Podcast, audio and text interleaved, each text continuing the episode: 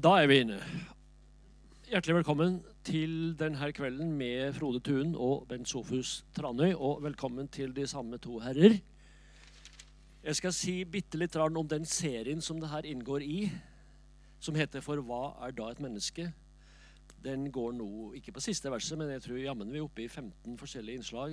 Det, men det står igjen tre-fire i løpet av våren. Gro Nylander. 'Menneskets hjerter forandres aldeles intet'. Um, Aksel Tjora om felle, truet fellesskap i den digitale tidsalder. Uh, Jan Grue i samtale med Arne Johan Vetlesen. 'Det var en gang et menneske'. Og Thomas Hylland Eriksen uh, til slutt i vår. Men følg med også. Vi fortsetter utover høsten. Uh, så lenge folk kommer og, og finner det her meningsfullt. Og det syns vi da er veldig hyggelig at, at, at noen gjør. da.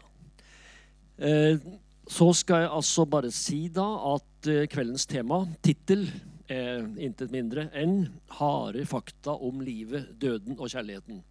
Det kan jo nesten høres ut som en slags sånn farse eller sånn standup-komedie, eller noe sånt, men det er det altså ikke. I programmets omtalen, programomtalen så står det tvert imot at kveldens gjester tar for seg store temaer i en samtale seg imellom. De kom i høst med boka 'Harde fakta om livet, døden og kjærligheten'. Her beskriver de noen av de mest fascinerende undersøkelsene fra psykologi og tilgrensende fag, men også livskriser forfatterne gikk igjennom under arbeidet. Resultatet er blitt en dypt personlig kobling mellom teori og praksis, hvor objektiv, faktadrevet forskning møter livets harde realiteter. Frode, Tuen er psykolog og forfatter og kjent fra sin um, samlivsspalte i over mange år i A-magasinet. Men Sofus Tranø er statsviter, også med innsikt i, i uh, menneskelige relasjoner. Men han er også da forfatter med, med, særlig interesse for økonomisk politikk og forbrukeratferd. I 2006 fikk han Brageprisen for boka 'Markedets makt over sinnet'. Eh, men ikke minst er de altså faktisk barndomsvenner, sjøl om den ene høres ut som en vaskeekte bergenser, og den andre er litt mer eh, østlandsk. Men de er altså barndomsvenner, og drar vel også litt noen veksler på det i sin samtale om, om livet i sin alminnelighet, og kanskje også sitt vennskap som bakgrunn. Hva vet vel jeg. Velkommen.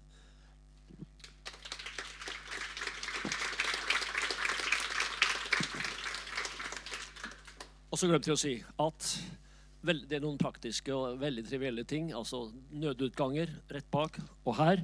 Toalett bak og høyre. Og så selges det bøker etter, etter det hele. I kveld gjør vi det slik at vi tar en samtale dem imellom som kommer til å vare en liten time. Og så sløyfer vi pausen og går rett på spørsmål og innlegg og kommentarer fra salen. Deretter blir det altså salg. Og jeg tenker at vi skulle være ferdig til i Iallfall til elleve. Nei da, til, til uh, ni senest. Ok. Ja. Uh, tusen takk for uh, invitasjonen. Jeg kommer til å si et par ting først, og så dominerer Frode mer etter hvert. som vi, vi kommer i gang. For først, ja, Det er veldig hyggelig å se at det er en og annen mann her. Det er til og med en som ikke er en gammel venn av meg. når jeg opptrer sammen med Frode, så er det som regel mest damer i, damer i salen.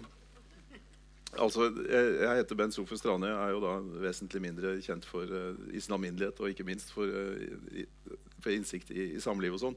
Uh, men nå er det sånn Frode og jeg har vært, har vært nære venner siden barneskolen på Smørås i Fana utenfor Bergen. slutten av 60-tallet. vi har vært fiender også, ganske bitre fiender, men vi har aldri vært likegyldige for hverandre. Og de siste 45 årene eller noe sånt, så har det vel stort sett vært et veldig fruktbart eh, vennskap. Eh, vi har gått gjennom alle mulige livsfaser sammen. Eh, og da min kone Julie døde for litt over fire år siden, så var Frode den som Eller en av de, flere, en av de mange, men kanskje den aller, aller viktigste støttespilleren for meg. Eh, og vi har, hatt, vi har, stort sett holdt hyppig kontakt også etter at jeg flytta til, til Oslo. Så vi la oss til en vane med å møtes på Geilo, som er midt mellom.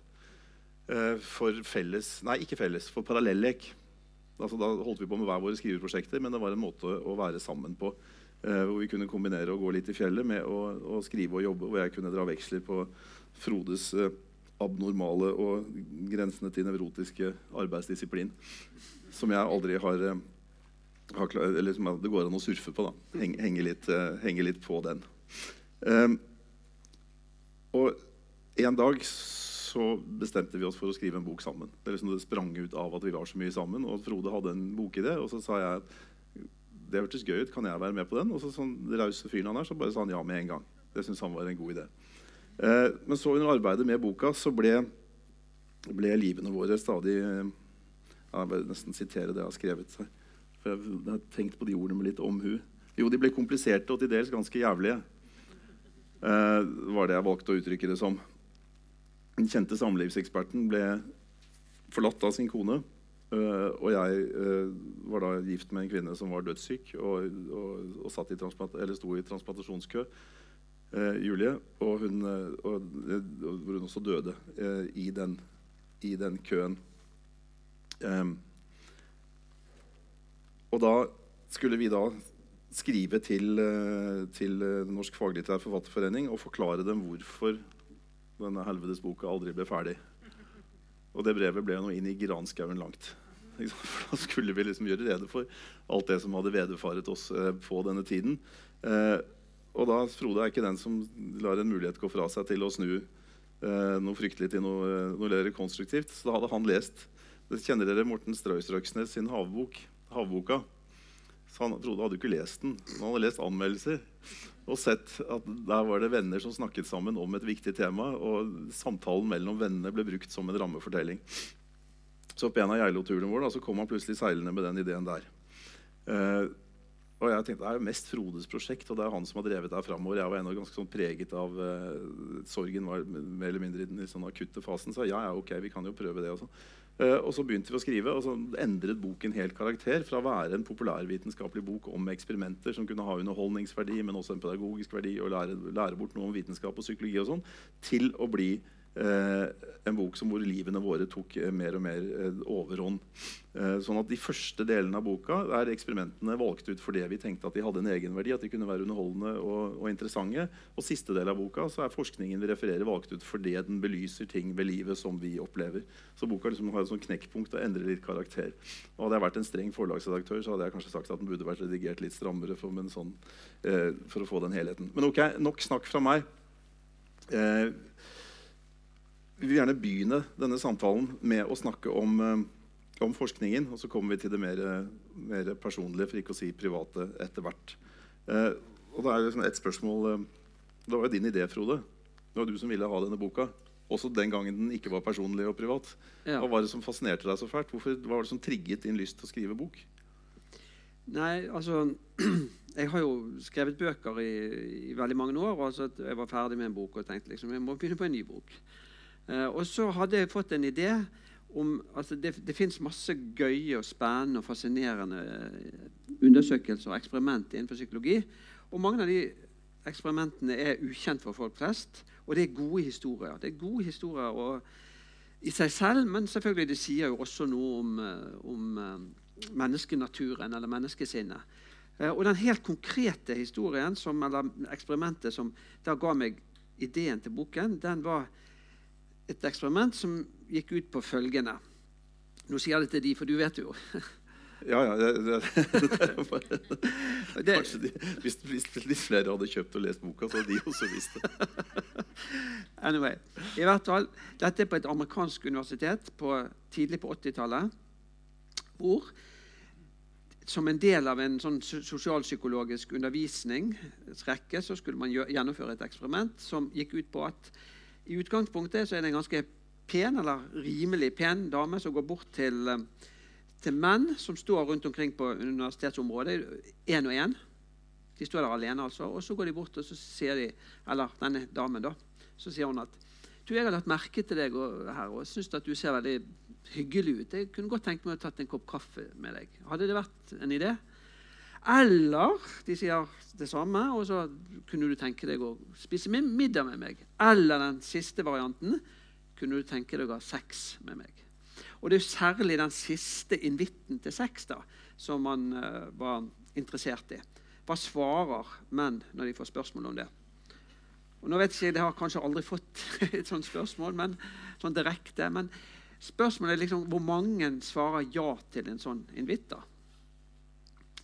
Og Det er kanskje noen av som vil tippe 10% eller 20% eller 50% eller 100% Sannheten er i hvert fall 75% De aller fleste sa ja og syntes at dette var smigrende. Og de 25% som da ikke sa ja, de sa liksom Tusen takk for tilbudet, det var jo veldig hyggelig, men jeg syns liksom ikke jeg kan gjøre det. da, eller Det passer ikke i dag, i hvert fall. eller noe sånt.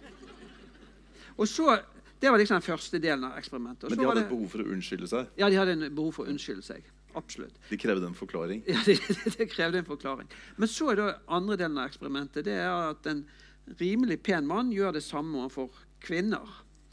Og ja, dette med en kopp kaffe og middag og sånt.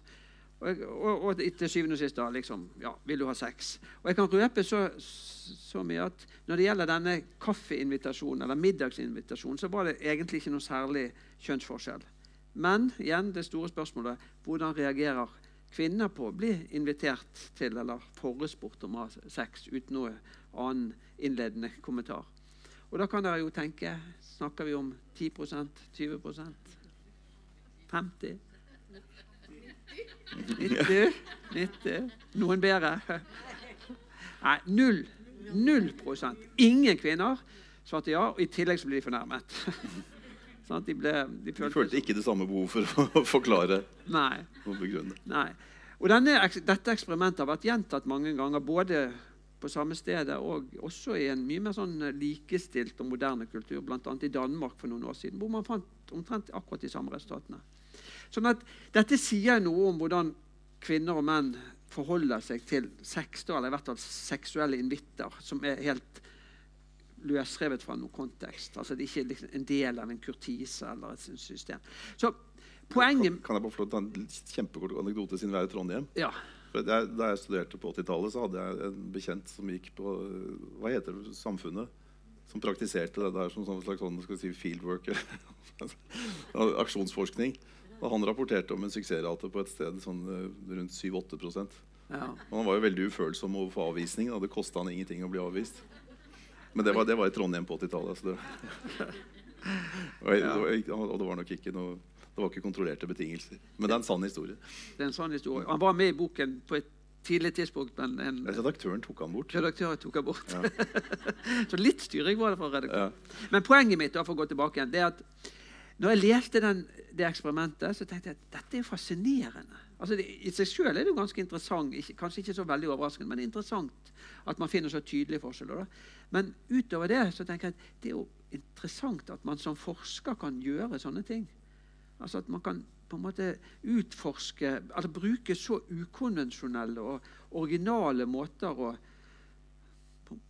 få tak i den kunnskapen som vi ønsker. Og så tenkte jeg da i neste omgang at Psykologien består jo av veldig mange sånne eksperimenter hvor man ikke bare går rundt og tar sånne opplagte veier, men man lurer folk litt til å avsløre noe som de kanskje ikke vet om seg selv, eller i hvert fall ikke vil avsløre sånn uten videre. Og Det var de historiene som jeg ønsket da at vi skulle samle og rett og slett bare formidle til folk, fordi at jeg syns psykologi er jo festlig, og forskning er festlig. og på sitt du, beste så er det jo... Men Kan du hvelve en større himmel over det eksperimentet med de kvinnene som sier nei, og mennene som sier ja? Altså, ja. Er, var, den mer, var den større betydningen av det? Ja, altså, Alle disse eksperimentene som vi rapporterer, de er jo en del av en forskningstradisjon. også vi går litt inn på, Men det er ikke hovedsakelig det vi skriver om. Det er mer historien eller eksperimentene som gode historier.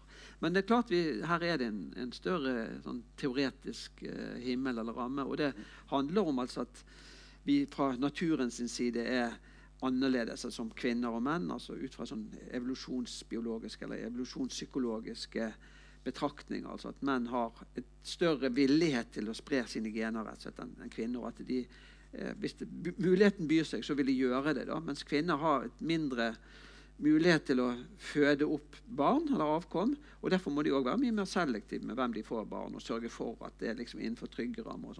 Så dette er sånn evolusjonspsykologisk forklaring som brukes i mange sammenhenger. Og det interessante akkurat i det eksperimentet var jo at den gangen på begynnelsen av 80-tallet var evolusjonspsykologiske forklaringer ikke særlig populære. Da var det mer sånn sosial konstruksjonisme. altså Det var ikke snakk om at kjønn er noe man har, det er noe vi gjør. ikke sant?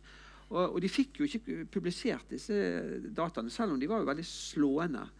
Uh, og de gjorde ganske mange fortvilede forsøk, sendte inn til nye tidsskrift og skrev den om. og alt sånt. Men det tok over ti år før de fikk den fikk han publisert. Uh, og var, da var liksom tidsånden blitt litt mer sånn konstruksjon... Nei, litt mer uh, Men det er, det, er ganske lett, det er ganske lett å lage en konstruktivistisk tolkning av det samme eksperimentet? er ikke det? Jo, de prøvde kvinner, det også. Kvinner har opptrett og føler skam. Og... Ja, de gjorde det. De fikk inn en kulturforsker som ble medforfatter, og dro det liksom litt bort fra det evolusjonspsykologiske. Men like fullt så tok det altså ti år fikk, før de fikk det publisert. Så det er i seg sjøl også en interessant eh, side ved dette. Særlig for oss som er forskere og av og til får ja. artiklene på i retur. Ikke minst. Ikke minst. Ja. Så, men, det var egentlig din tur ja. å spørre meg om noe. Husker du det? Ja, nå skal jeg spørre deg om For, det, for altså, Du fikk jo òg noe sånn gjenklang, eller denne studien. For jeg fortalte jo den til deg med, med stor entusiasme. Jeg syns det er en mm. gøy historie. Ja. Og den hadde jo noe sånn gjenklang i, i, noe av den forskningen som du også, ja, som det, som du også kjente til fra ditt ståsted. Det er en, en amerikansk-israelsk uh, psykolog og økonom som heter Dan Ariely, som har, uh, er vanvittig kreativ og, og forsker på ting som du i utgangspunktet ikke nødvendigvis skulle tenke var ja, men hvorfor i helsike satte han i gang det eksperimentet her? da? Eh, men så du leser videre, så begynner du å skjønne men er, som dere skjønner, så har vi liksom lagt opp litt kommers der. så Vi begynner med det som vi tenker har mest underholdningsverdi, og så skal det bli trist og leit og dypt eh, etter hvert. Eh, men han, Dan Ariely han tok da en, en gruppe unge menn for å, for, å, undersøke hvordan seksuell opphisselse påvirker henholdsvis deres evne til å vurdere risiko, deres vilje til å være hensynsløse og deres vilje til å være eksperimentelle seksuelt. Det var liksom de tre. Eh, og For å få til det så satte han opp et, eh, et ganske artig eksperiment hvor eh, da menn som i, i, med tanke på eksperimentets formål må kunne sies å være i sin beste alder, så var menn i, i begynnelsen, midten av 20-åra. Eh, og så fikk de eh, hver sin PC. På den PC-en den har tredelt den skjermen. Størstedelen av skjermen var det, det, brukt til det du kan kalle erotisk stimulerende bilder. Eh, og så skulle de kunne rapportere tilbake til, eh, til forskerne hvor opphisset de følte seg på en skala fra 0 til 100. Eh, og når de var blitt opphisset til et nivå som de selv beskrev som 75 av 100, så begynte det å poppe opp spørsmål for å undersøke da, effekten av å være seksuelt opphisset, eller hot states, som det heter på en mer generell, litt penere måte. Og da eh, eh, det eksperimentet var satt opp sånn at det var de samme personene ble stilt disse spørsmålene i opphisset tilstand og et par dager seinere i si, nøytral tilstand. Eh, men så hadde du også forsøkspersoner som ble spurt samtidig som de som var opphisset, men uten stimulans. Men de ble da stimulert etterpå. Så du fikk både undersøkt har det noen effekt om du liksom har fått spørsmålene først i opphisset til ja, dere begynner å skjønne, ikke? Det er sånn forskningsdesign, så alle mulige varianter skulle liksom dekkes opp. Eh, men for å spole fort fram til konklusjonene så var det det at det å være seksuelt opphisset eh, påvirker menns dømmekraft ganske formidabelt. Eller ikke bare dømmekraft, men også deres altså De var villige eksempel, Når det gjaldt eksperimenter, de var mye mer åpne for Trondheim er en ganske liberal by. er det ikke det? Vi er ikke i Stavanger eller noe sånt nå, så det må liksom være forsiktig. Eh, de var mye mer villige til å prøve analsex. De var, unge menn svarte at ja, da jeg ligger gjerne med en dame på 50. Ved 60 så begynte det å bikke, bikke litt. Eh, de var eh, også, også, Sex med dyr var liksom ikke helt utenkelig. Men det starta fra et veldig lavt nivå, da, og så steg det prosentvis veldig høyt, men fra et veldig lavt nivå. så hvis dere kan prosentregning, så var det ikke så veldig mange som ble hensatt der. Men det hadde i hvert fall en påvirkning. Eh, og Det var den ene variabelen de undersøkte. Den andre variabelen var om, eh, sagt, om de var villige til å bli manipulerende og hensynsløse. Og det var de. Eh, helt fra sosialt akseptabel manipulerende atferd, som var typen spandere middag, og sånn, til eh, å lyve og si at 'jeg elsker deg', eh, til å faktisk ha sedativer i drinken eh, på damene. Og den tredje var en risikobedømming. Og det var ganske interessant, for de eller jeg synes i hvert fall det var interessant, for de forsto risiko like godt når de var kåte. De bare følte annerledes omkring det. Altså, ja, jeg skjønner at jeg kan like godt bli smittet av en kjønnssykdom av en god venninne som av en fremmed dame, men jeg driter i det. Jeg, sånn, ja. Så det var, ehm, det var, eh, den forskningen på hot states. Eh, og så er det det samme spørsmålet til meg. Da, som jeg stilte deg. Hvorfor i helsike skal vi bry oss om dette her? Ja, og det, og det, og det, er, jo, altså, det er jo et interessant spørsmål innenfor psykologi, ikke minst. Altså, hva gjør det med å være altså, ikke bare opphisset, men mer å være emosjonelt aktivert? Ja. Og, og du drar jo også over til, um, til f.eks. Spising og kosthold og, Ja. og kostholdsregulering og sånne ting. Dessverre. Som er, som er liksom en helt, som en helt annen, et helt annet område. da. Ja, eller shopping. Ja, shopping også. Mm. Altså det, er en, det er en god del tilstander som annet har, skriver om, da, som, er, som er kjennetegn til at vi kommer inn i en sånn hot state hvor vi gjør en annen type vurderinger enn vi, altså hva vi har lyst på, hva vi er villige til å betale. Vi gjør dårligere bedømminger av avveiningen mellom kort og lang sikt. Sånn, stor, det er, vi, jo, vi mennesker vi gjør jo en god del ting for umiddelbar tilfredsstillelse i en del situasjoner som vi kanskje ikke skulle ønske vi ikke hadde gjort når vi ser tilbake på det. Det kan være alkohol, det kan være nikotin, det kan være ja, seksualitet. Eh, og sånn, det er jo et fascinerende tema å studere som, altså, hvordan vi forandres og hva vi kan gjøre med det. Og en ting Frode jeg snakka en god del om, i Åpne boker, liksom, hvordan kan du bygge opp beredskap Hvis vi liksom går inn i en liten sånn selvhjelpsdel her, da, så er det altså, altså, hva kan vi egentlig gjøre for å forebygge at vi gjør ting som vi ønsker, skulle ønske at vi ikke hadde gjort? Og det er jo, altså, det, det er jo et av de største temaene i, i vårt moderne overflodssamfunn. Altså, vi går på Grete Rode og vi går på røykavvenningskurs og vi prøver å slutte å snuse. og vi holder på med og De går til deg for å få orden på samlivet sitt. Og, altså, veldig Mye av dette handler jo om, om, om selvregulering. Men selvregulering skal vi kanskje komme til litt seinere? Jeg skjønner ikke dette her. Det er med å nærme seg hvite menn. Jeg skjønner litt hvorfor hvite menn som nærmer seg 60, er så upopulære. Vi klarer jo faen ikke å holde tråden i det hele tatt. Uh, Hvis du roter litt med det, så kan, Ja. jeg, så kan jeg ta det litt altså, det, altså Mange av disse eksperimentene som, som er mest fascinerende, da, eller i hvert fall som mest slående, er jo, har et litt sånt seksuelt tilsnitt. Uh, og en av de, kanskje mest, et av de mest eh, originale eksperimentene som har vært gjort, det er jo det såkalte uh, Hva kaller det når man sitter på eh, fanget? Altså sånn uh, lapdance-eksperimentet. Å ja, det der er faen, enda mer sex. Ok. Ja, vi tåler litt mer sex. Lapdance-eksperimentet går altså da ut på at at kvinner som som er, Hvis dere vet hva lapdanser er Det er altså kvinner som er nokså avkledd, og så driver de og danser rundt i et, eh, en sånn strippebar. Og så setter de seg på, på eh, fanget til de mannlige gjestene. da, Og så er eh, greien er at de skal da putte noe penger liksom ned i BH-en, og som er driks da, til disse damene. Det er det egentlig hele konseptet går ut på. Og så var det noen som drev en sånn eh, strippeklubb lapdance, den som oppdaget at det var liksom en sammenheng med Det var ikke tilfeldig når de, når de drev og ga mye penger i driks, eller når det ble lite penger i driks. Og så tenkte jeg at dette må vi, dette må vi studere nærmere. Og da også tenkte man litt sånn evolusjonspsykologisk eller evolusjonsbiologisk. Altså Kan det være noe med at, at noen perioder så kan mennene på en måte se mer kåtskap eller tilgjengelighet eller noe sånt hos disse kvinnene, og dermed gi dem mer penger enn i andre perioder. Og så begynte man da med et sånt eh, eksperiment hvor alle lapdance-kvinner som var med i eksperimentet, da, det var 5000 stykker, det var ganske stort, skulle registrere hver gang de danset, og hvor mye penger de fikk. Og så så man dette over en sånn en en månedsperiode. Og så viste det seg at og så skulle de også registrere når de hadde eggløsning. Jeg vet ikke helt hvordan kvinner registrerer sånt, men det går visst an. Og så viste det seg da tror det er beslekta med det gamle begrepet sikre perioder. ja, ikke sant? Ja. Så viser det seg at når de har eggløsning, så gir mennene 40-50% mer driks enn når de ikke har eggløsning. Og så er spørsmålet hvorfor det? Hvorfor det? Altså, vi vet fra andre dyr, f.eks. bavianer, og sånt, at de, lyser opp kvinner, altså de Hundbavianer? De lyser opp på bakpartiet sitt når, når de har eh, eggløsning. sånn at da er det ganske sånn synlig for, for hanen når det, når det passer å formere seg. da. Mens det har jo ikke vi mennesker. Men på et eller annet vis så ser det ut til at vi kanskje allikevel har det. Og det kan man jo ikke spørre kvinner om, eller kan ikke spørre menn, for de har jo ikke noe sånn fast oppfatning om hva, hva som skjer her. Men disse eksperimentene kan altså fange opp et eller annet som ikke noen egentlig forstår helt.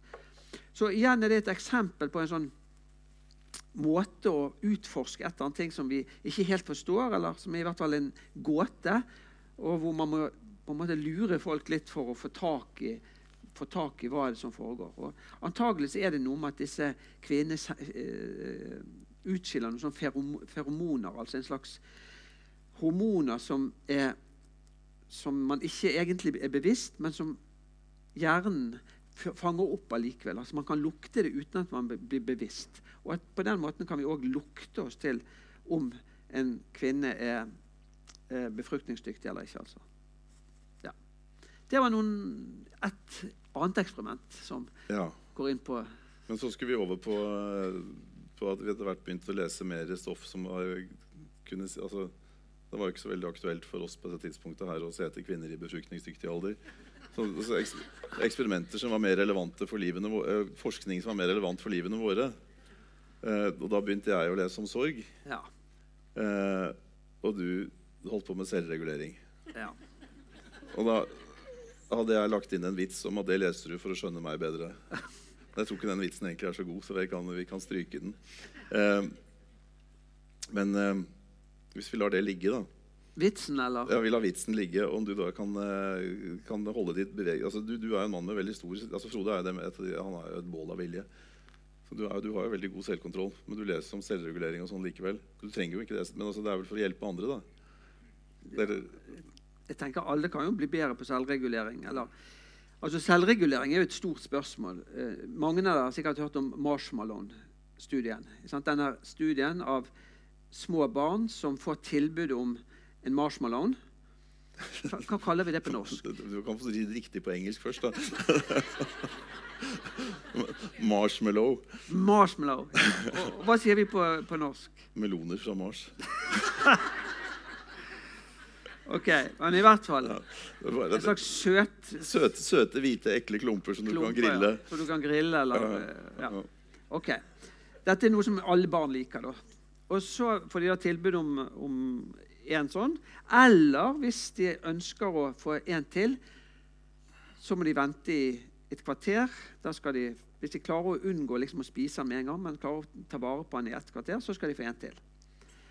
Uh, og Dette eksperimentet er i seg sjøl ikke sånn veldig oppsiktsvekkende. Det er mer sånn typisk mange psykolog psykologiske eksperimenter. Men det som var det interessante med marshmallow-eksperimentet, var at man, disse barna ble fulgt opp igjen senere i livet.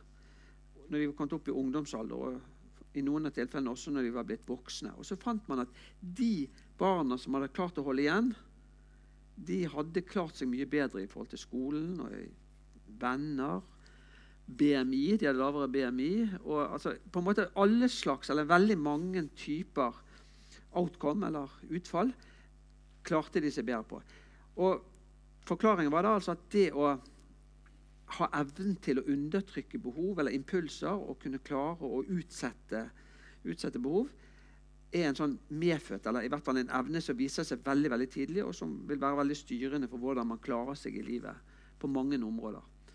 Og Det der eksperimentet der har jo da avstedkommet masse masse forskning mer generelt på hva, hva som gjør at noen klarer seg eller har bedre viljestyrke og større evne til å regulere følelsene sine enn andre. Jeg ble veldig trist første gang jeg leste om det. Ja. Men så kom jeg på at jeg, da jeg var liten, så sparte jeg på tyggegummi. Ja. Så et eller annet har gått galt underveis. Men, eh, men fortsett, du. Nei, det er, ikke, det er, ikke, noe garanti. Nei, for det kommer litt mer oppmuntrende etter hvert. Det er ikke bare biologi. Nei da. Altså, en annen ting i, den, altså selve den Marshmallow-studiet, som har vært gjentatt også i mange forskjellige sammenhenger, eh, så har noen stilt spørsmål, spørsmål ved om er det egentlig viljestyrke som blir målt, eller er det noen andre ting. Og Så gjorde man det samme eksperimentet på nytt, men med en litt annen betingelse. Og Den andre betingelsen gikk ut på at det var noen barn som fikk noen gamle blyanter som de skulle tegne med, eller fargestifter som de skulle leke med. Og så fikk de beskjed om at dere, om en liten stund så skal dere få noen mye finere eh, fargestifter. Uh, og, og, i tillegg så, og, og, noen av de da, Der kom det forskningslederen tilbake igjen og ga de noen fine fargestifter som de kunne jobbe videre med eller tegne videre med. Sånn at de fikk en slags opplevelse av at forskerne, de voksne, var til å stole på. Mens andre barn de fikk den samme beskjeden om at vi skal komme tilbake, vi skal få noen skikkelig fine fargestifter. Men de kom aldri tilbake med det. Det er bra det er for seint for oss å bli traumatisert, for vi har ikke fått den ølen og rødvinen vi ble lovet da vi kom hit. Nei, det er sant. Det er sant. Men i hvert fall så, vis, så viste det seg da at de barna som hadde lært seg til å stole på, eller i denne eksperimentelle situasjonen stolte på, eller hadde grunn til å stole på at de voksne faktisk kom tilbake med det de hadde sagt de gjorde, de klarte å utsette denne ene marshmallowen til de kom tilbake igjen også. Sånn at Det handler kanskje ikke først og fremst om selvkontroll, men rett og slett om tilliten til at det som man blir lovet, at man får det. Hvis man har en tillit til at man får det, så vil man kunne holde ut eller vente og sitte på fingrene. Det var det de gjorde, mange av disse barna. De satt på fingrene. De var jo så tent på den lille tingen, eller den lille snopen som lå der fremme, men de spiste den ikke. Nei. Og nå får vi det vi er blitt lovet. Ja. Tusen takk. Tusen takk. Så det passet jo veldig godt. Se, vi har fått Hans Søl. Oi. Ja, men altså det... Men spørsmålet ditt var liksom hvorfor, altså hvorfor begynte vi å bli opptatt av dette. Og, og da er vi inne på det mer sånn personlige. da, fordi at I mitt tilfelle Det var min krise eller min uh, utfordring i denne saken. altså, eller denne prosessen. Vi begynte på denne boken i 2012. eller noe sånt. Og den kom ut 1960-tallet. og den kom ut i 2018. Så det, vi brukte altså seks-syv år på den. Ja. Så i løpet av denne perioden så skjedde det veldig mye, som, som Bent sa innledningsvis. Ja, her var det jeg som skulle si noe. Skulle du si noe? Ja, jeg skulle si noe nå. Det, Ok. det, det, for det, det, for det, det passer mye bedre at jeg sier det enn du sier det. For okay. er det er en hyllest til deg. Oi. Du må gjerne, Ja, du- kjøre, du må gjerne kjøre den selv. Altså. Jeg synes, Nei, tar- det, det, det er mer naturlig at jeg tar den. Nei, for det, det, det, beskriver vi jo faktisk Det var noe, faktisk noe vi kranglet litt med redaktøren om uh, av boka. fordi Vi beskriver den samme episoden to ganger. Og Hun mente at det var kjedelig å gjengi fakta to ganger. Mens jeg mente at det var et litterært grep. Uh, og grunnen til at jeg mente at det var et litterært grep, var at det, det er den telefonen Frode tar til meg, hvor han forteller meg at hans kone ikke vil være gift med han lenger. Uh, og da, da, han, da jeg fikk den telefonen, så var jeg på baksiden av et jævlig forblåst fjell. Så jeg måtte ta av meg hanskene. Jeg gikk på ski. og holde mobiltelefonen. Men når bestevennen din er i en akutt krise, så er det ikke noe alternativ å legge på. Eh, eh, så da så jeg, altså Man tar jo en for, for bestevennen, så jeg holdt på å fryse av meg fingrene. Men du, vi fikk snakket sammen. Eh, og nå skal jeg komme til der hvor jeg skal skryte av Frode og ikke av min evne til å tåle kulde. Som jo var et totalt sidespor. Unnskyld. Eh, men poenget er at da var jo min umiddelbare reaksjon var å tenke at, eh, at dette her er jo hun som går gjennom en eller annen krise. Dette har lite med han å gjøre. Og så tenkte jeg, neste jeg tenkte var at hvis jeg sier det til deg, så gjør jeg deg en bjørnetjeneste. For da, for, da, da bidrar jeg til at du blir foruretta. Og hvis du skal være forurettet og liksom tenke at ja, kompisene mine sier at så, vil jo, altså, vil jo Du får ikke løst opp i en så vanskelig sak av å gå inn full av selvrettferdighet og legge skylda på den andre. Men jeg hadde ikke behøvd å bekymre meg for det i det hele tatt. Det, og nå kom jeg til skrytet. For det som var Frodes inngang til hele krisa, var å si ja, det er ingen av de punktene du tar opp nå som grunner til at det er vanskelig å leve sammen med meg, som jeg er uenig i. Vi har alle forbedringspotensialet, og langs alle de linjene du trekker opp, så har jeg en del å gå på. Eh, og det er en vinn-vinn. Jeg, jeg kan bli en bedre fyr, og du får en bedre mann du lever sammen med. Og jeg bare, jeg, personlig er jeg så, jeg er hissig og så full av selvrettferdighet og sånn, at jeg bare fatter ikke hvor han tok det fra. Det er mulig at det er 20 år med å terapere på, på andre mennesker. Men altså, da vi vokste opp, det har jeg lyst til å legge til, så dro jeg han ut av konflikter med jevne mellomrom. Han var en frekk og obsternasig og sær bergensk tjuagutt. Og jeg var i forhold den rimelige diplomatiske typen. Ikke, du bestrider ikke den direkte? Nei, det, uansett, det er ikke interessant nå. For det, det, det. Eh, Men å forandre seg derfra til å bli en sånn derre En bunnløs brønn av tålmodighet og klok nasjonalterapeut. Det Jeg skjønner ikke hva som har skjedd. Det er et eller annet som har gått veldig riktig eller feil eh, underveis. Og det var det nå er det jo vanskelig for deg å svare, da, for nå har jeg hatt et foredrag om hvor vidunderlig du er. Det er, det er en veldig vanskelig situasjon for deg å komme inn igjen. Det er bare fortsatt. Nei, nei, men, men utgangspunktet var jo altså dette med selvregulering. Da. Kan jeg overta, eller? Jeg skal bare si én ting Ja, til om det. og det er at, Men det betyr jo ikke altså bare så det ikke, at det betyr jo ikke at alle skal legge seg flat hver gang de har en ektefelle som er drita lei dem. Det, for det er jo da mulig da åpne for en parallelldialog om hva er det her som er samspill. Hva er det som er samspillet mellom oss. Men det er det som er poenget. om Den lærdommen jeg tok fra Frode Og to ting. Det ene er at for det første har vi stort sett ganske mye å gå på når det gjelder å ta selvkritikk. De fleste av oss har en del å lære og en del vi kan utvikle. Eh, og det andre er at ved å svare på den måten så skaper du også et rom hvor det faktisk er mulig å snakke om der hvor dere to har problemer, og hvor det ikke bare handler om hva som er gærent med deg. Og det syns jeg er en veldig viktig innsikt som jeg tok med meg fra den.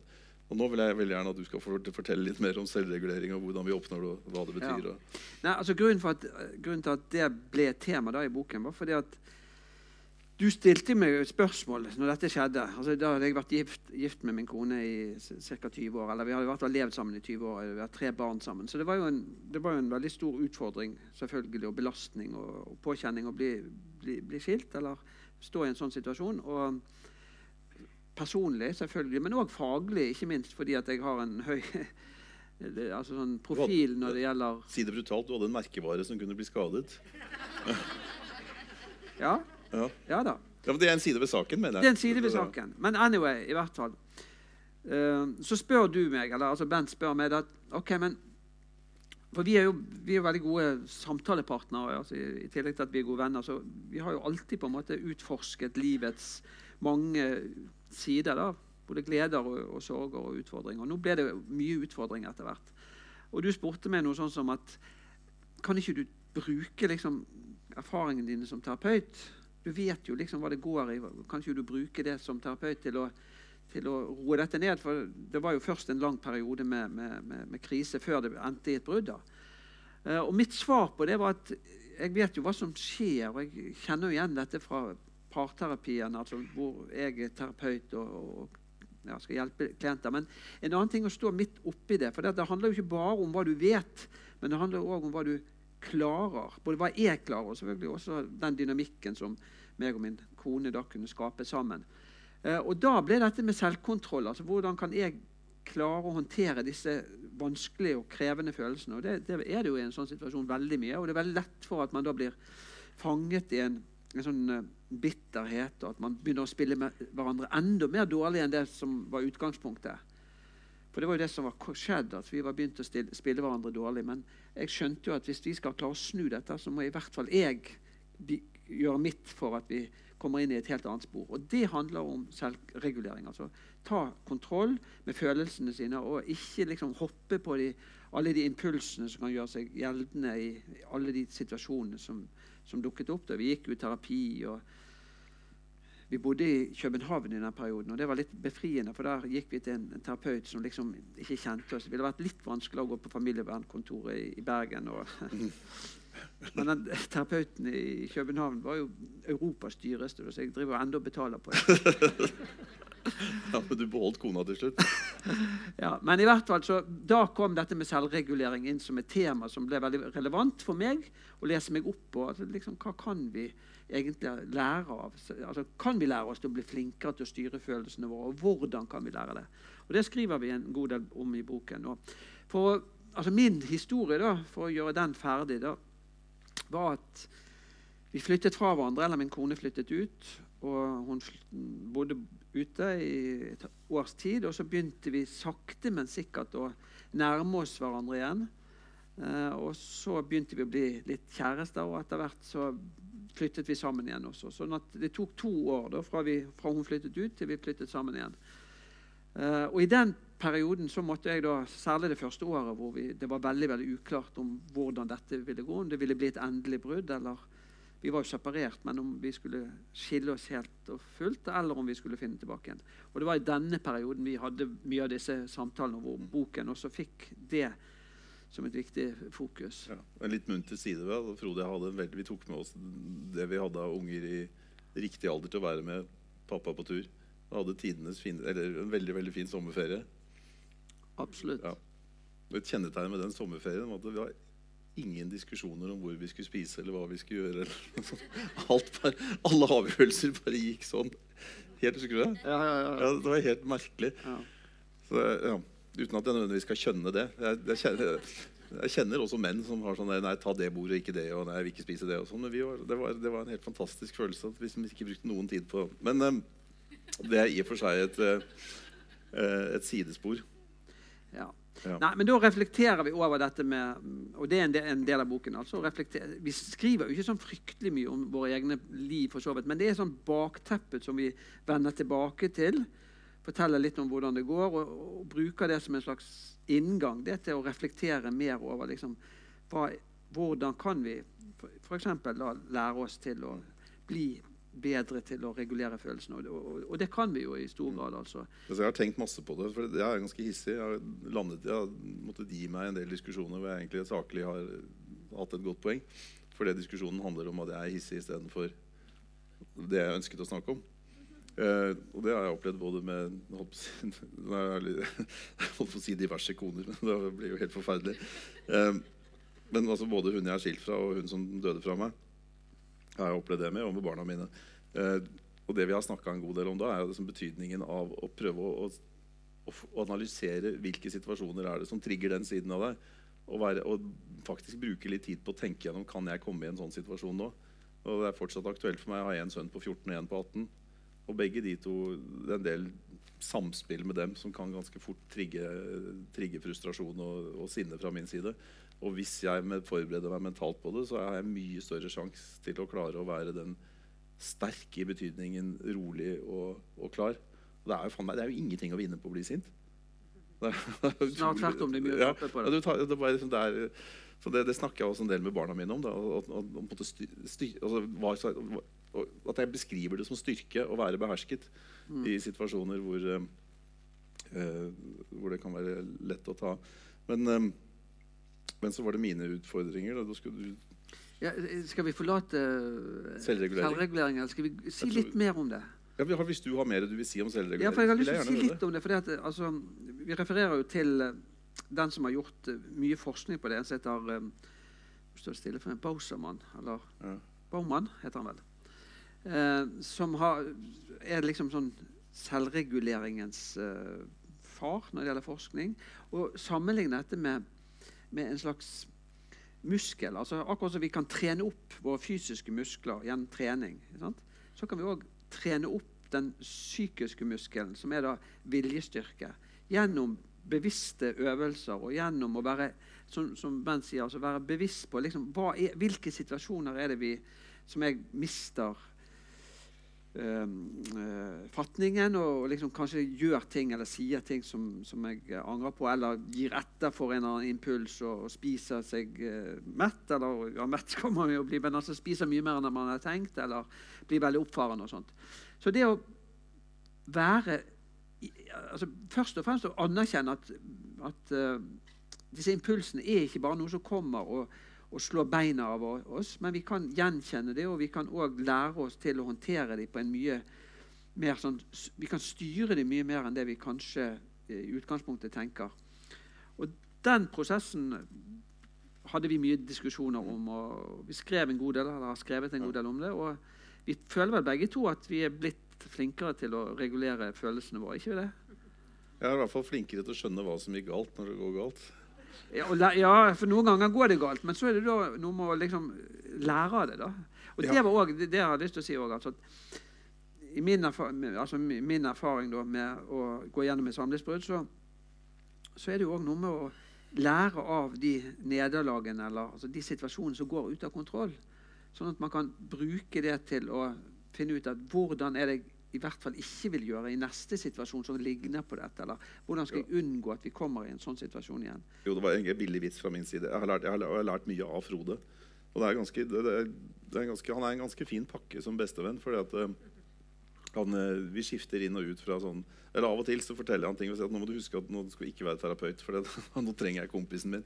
Eh, men andre ganger så, så, så har jeg brukt Frode som terapeut. Det er, liksom, det er jævlig traumatisk å, gå, altså, å, ha, å, å, elske et annet menneske som er dødssyk, og som er dødssyk i årevis og står i kø og sånn, på transplantasjon. Og da har Frode der Frode går veldig uanstrengt inn og ut av rollen som venn. det det syns jeg egentlig er en litt vakker historie. Så jeg får fortelle akkurat den. Den er veldig kort. Vi var på Geilo. Eh, og da var det en krise med, med Julie og meg hvor hun hadde det, det, tror jeg egentlig er riktig å kalle det for en form for posttraumatisk reaksjon. For hun hadde holdt på å dø, og så hadde hun fått noen ny medisin. og så fikk hun eh, mye høyere funksjonsevne igjen. Og da når hun våkna til live igjen, så var hun ganske sint på meg. På en måte som jeg ikke klarte helt å skjønne. Eh, vi trenger ikke gå så veldig inn på Det nå, men da, det var en veldig vanskelig situasjon for meg. Og da plaget jo jeg Frode. altså Jeg snakka sammenhengende om dette her tre dager på Geilo. Uh, og så på et eller annet tidspunkt i løpet av de tre dagene så sa jeg at ja, men faen, det må vi holde opp. Vi kan ikke bare holde på med meg hele tida. Hadde du vært advokat, så hadde du satt på taksameteret for lenge siden. Det er, er, jo helt urimelig bruk av deg. Og så sa han bare ja, men jeg er jo kompisen din. Jeg har jo greie på det her. Neste, neste, gang så er det kanskje meg. Og det var det jo. Når den telefonen kom, men, uten at jeg kunne tilby helt like gode tjenester tilbake. Men, uh, men, det var altså Det var um, det, var, det, er mye å lære av det der. Men kanskje det er en veldig sånn banal form for læring. Løfte litt ut av det vanskelige. Han personlige treneren min, som ikke er Nord-Europas dyreste, men han har akkurat rykket opp en kategori, så han er begynt å bli en av Norges dyreste. Han sier til meg at etter at vi har trent styrke sammen, så skal jeg spise en brødskive med skinke og gulost, for da får jeg protein og karbohydrater med en gang. For da, og så ender jeg ikke opp med å spise tre rosinboller eller noe sånt for å, for å feire at jeg har trent. Det, men altså, poenget mitt er at det er akkurat samme typen logikk. Man sier forutse, Kjenne igjen situasjonen. Når du har trent, så blir du så inn i helvete sulten og du har så dritgod samvittighet at da føler du at du kan unne deg hva som helst. Ok, dette mønsteret kjenner vi igjen. Hva kan vi gjøre for å forebygge det? Jo, da foreslår jeg skinke og gulost. en brødskive. Og det verste er den skiven med skinke og gulost den smaker jo like godt som noe hvilket som helst annet hvis du tar den på rette tidspunkt etter en treningsøkt. Men det er, også, det, det er, jo slitsomt. Altså. Ja, forresten også det du sa om, om, viljestyrke som muskel. Du glemte en, et aspekt ved det. Og det var? Ja, Du kan trene den opp, men den kan bli sliten. Ja, sånn ja det er et viktig poeng. Ja, sånn, Når du har veldig mye på tapetet, så er det jo vanskelig altså, sånn, Egentlig burde vi leve litt enklere liv, så vi kunne holde styr på de få tingene vi hadde som ambisjoner. Mm. F.eks. å opptre rimelig og saklig i diskusjoner med de vi elsker, og ikke spise for mye etter trening. Hvis livet mitt bare besto av de to tingene, så kunne jeg jo fokusere på det, og så kunne jeg planlegge det, og så kunne jeg ha oppnå mine mål langs begge de linjer. Men jeg blir jo utfordra på 50-60 dimensjoner på en gang. Og da ryker det på noen av dem fordi viljestyrkemuskelen er sliten. tenker jeg. Det kalles for ego deployation theory. altså at Du, du har på en måte en, en, altså ego, eller egostyrken, er en slags um, en brønn som kan bli tømt. Eller du kan bruke den opp sant? Og da har du veldig lite å gå på. Da skal det innmari lite til før du, før du telner. Og Det er sikkert noe som mange har kjent igjen hvis de har lavt blodsukker. For og så kommer en eller annen kommer med en skrå kommentar, eller noe sånt, så hugger man til. Mens man under vanlige omstendigheter kanskje vil bare la det passere. Så det er å gjenkjenne de der sidene hos seg selv. Hva er det som er særlig sårbare situasjoner for meg?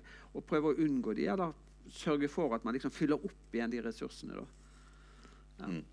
Du hadde en interessant sånn, liten sånn erfaring med det. da du hadde sittet på et eller annet møte. For du, ble jo etter hvert kjent med denne teorien. da, Og så har du sittet på et eller annet møte hvor du hadde skjerpet deg innmari masse og vært veldig saklig. Ja, åssen var det?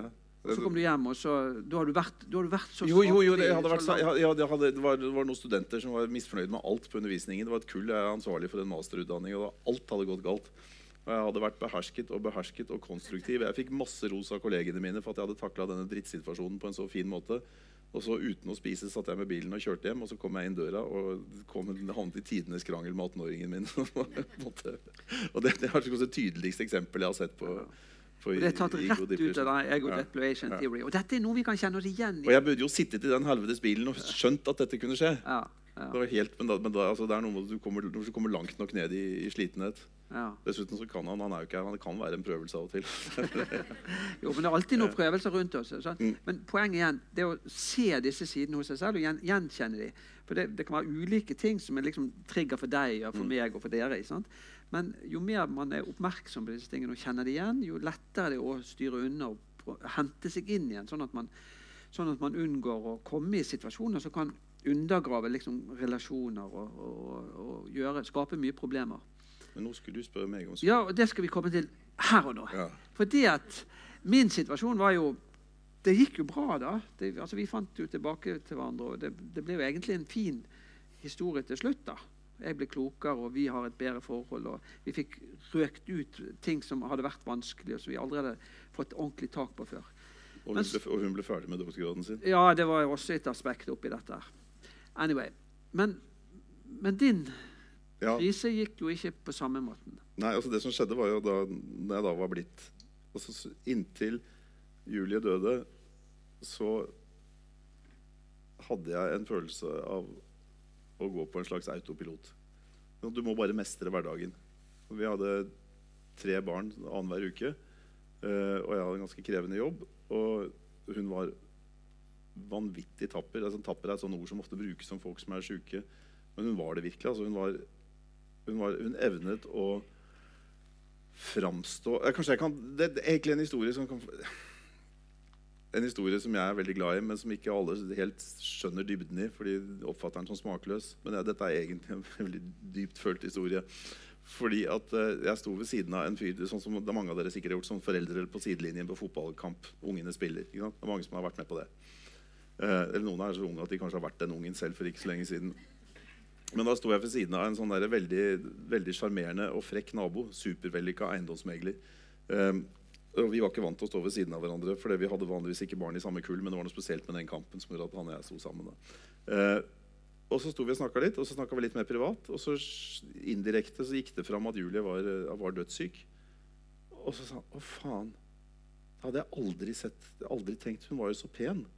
Hun tok seg jo alltid så godt ut. Hun så alltid så fin ut.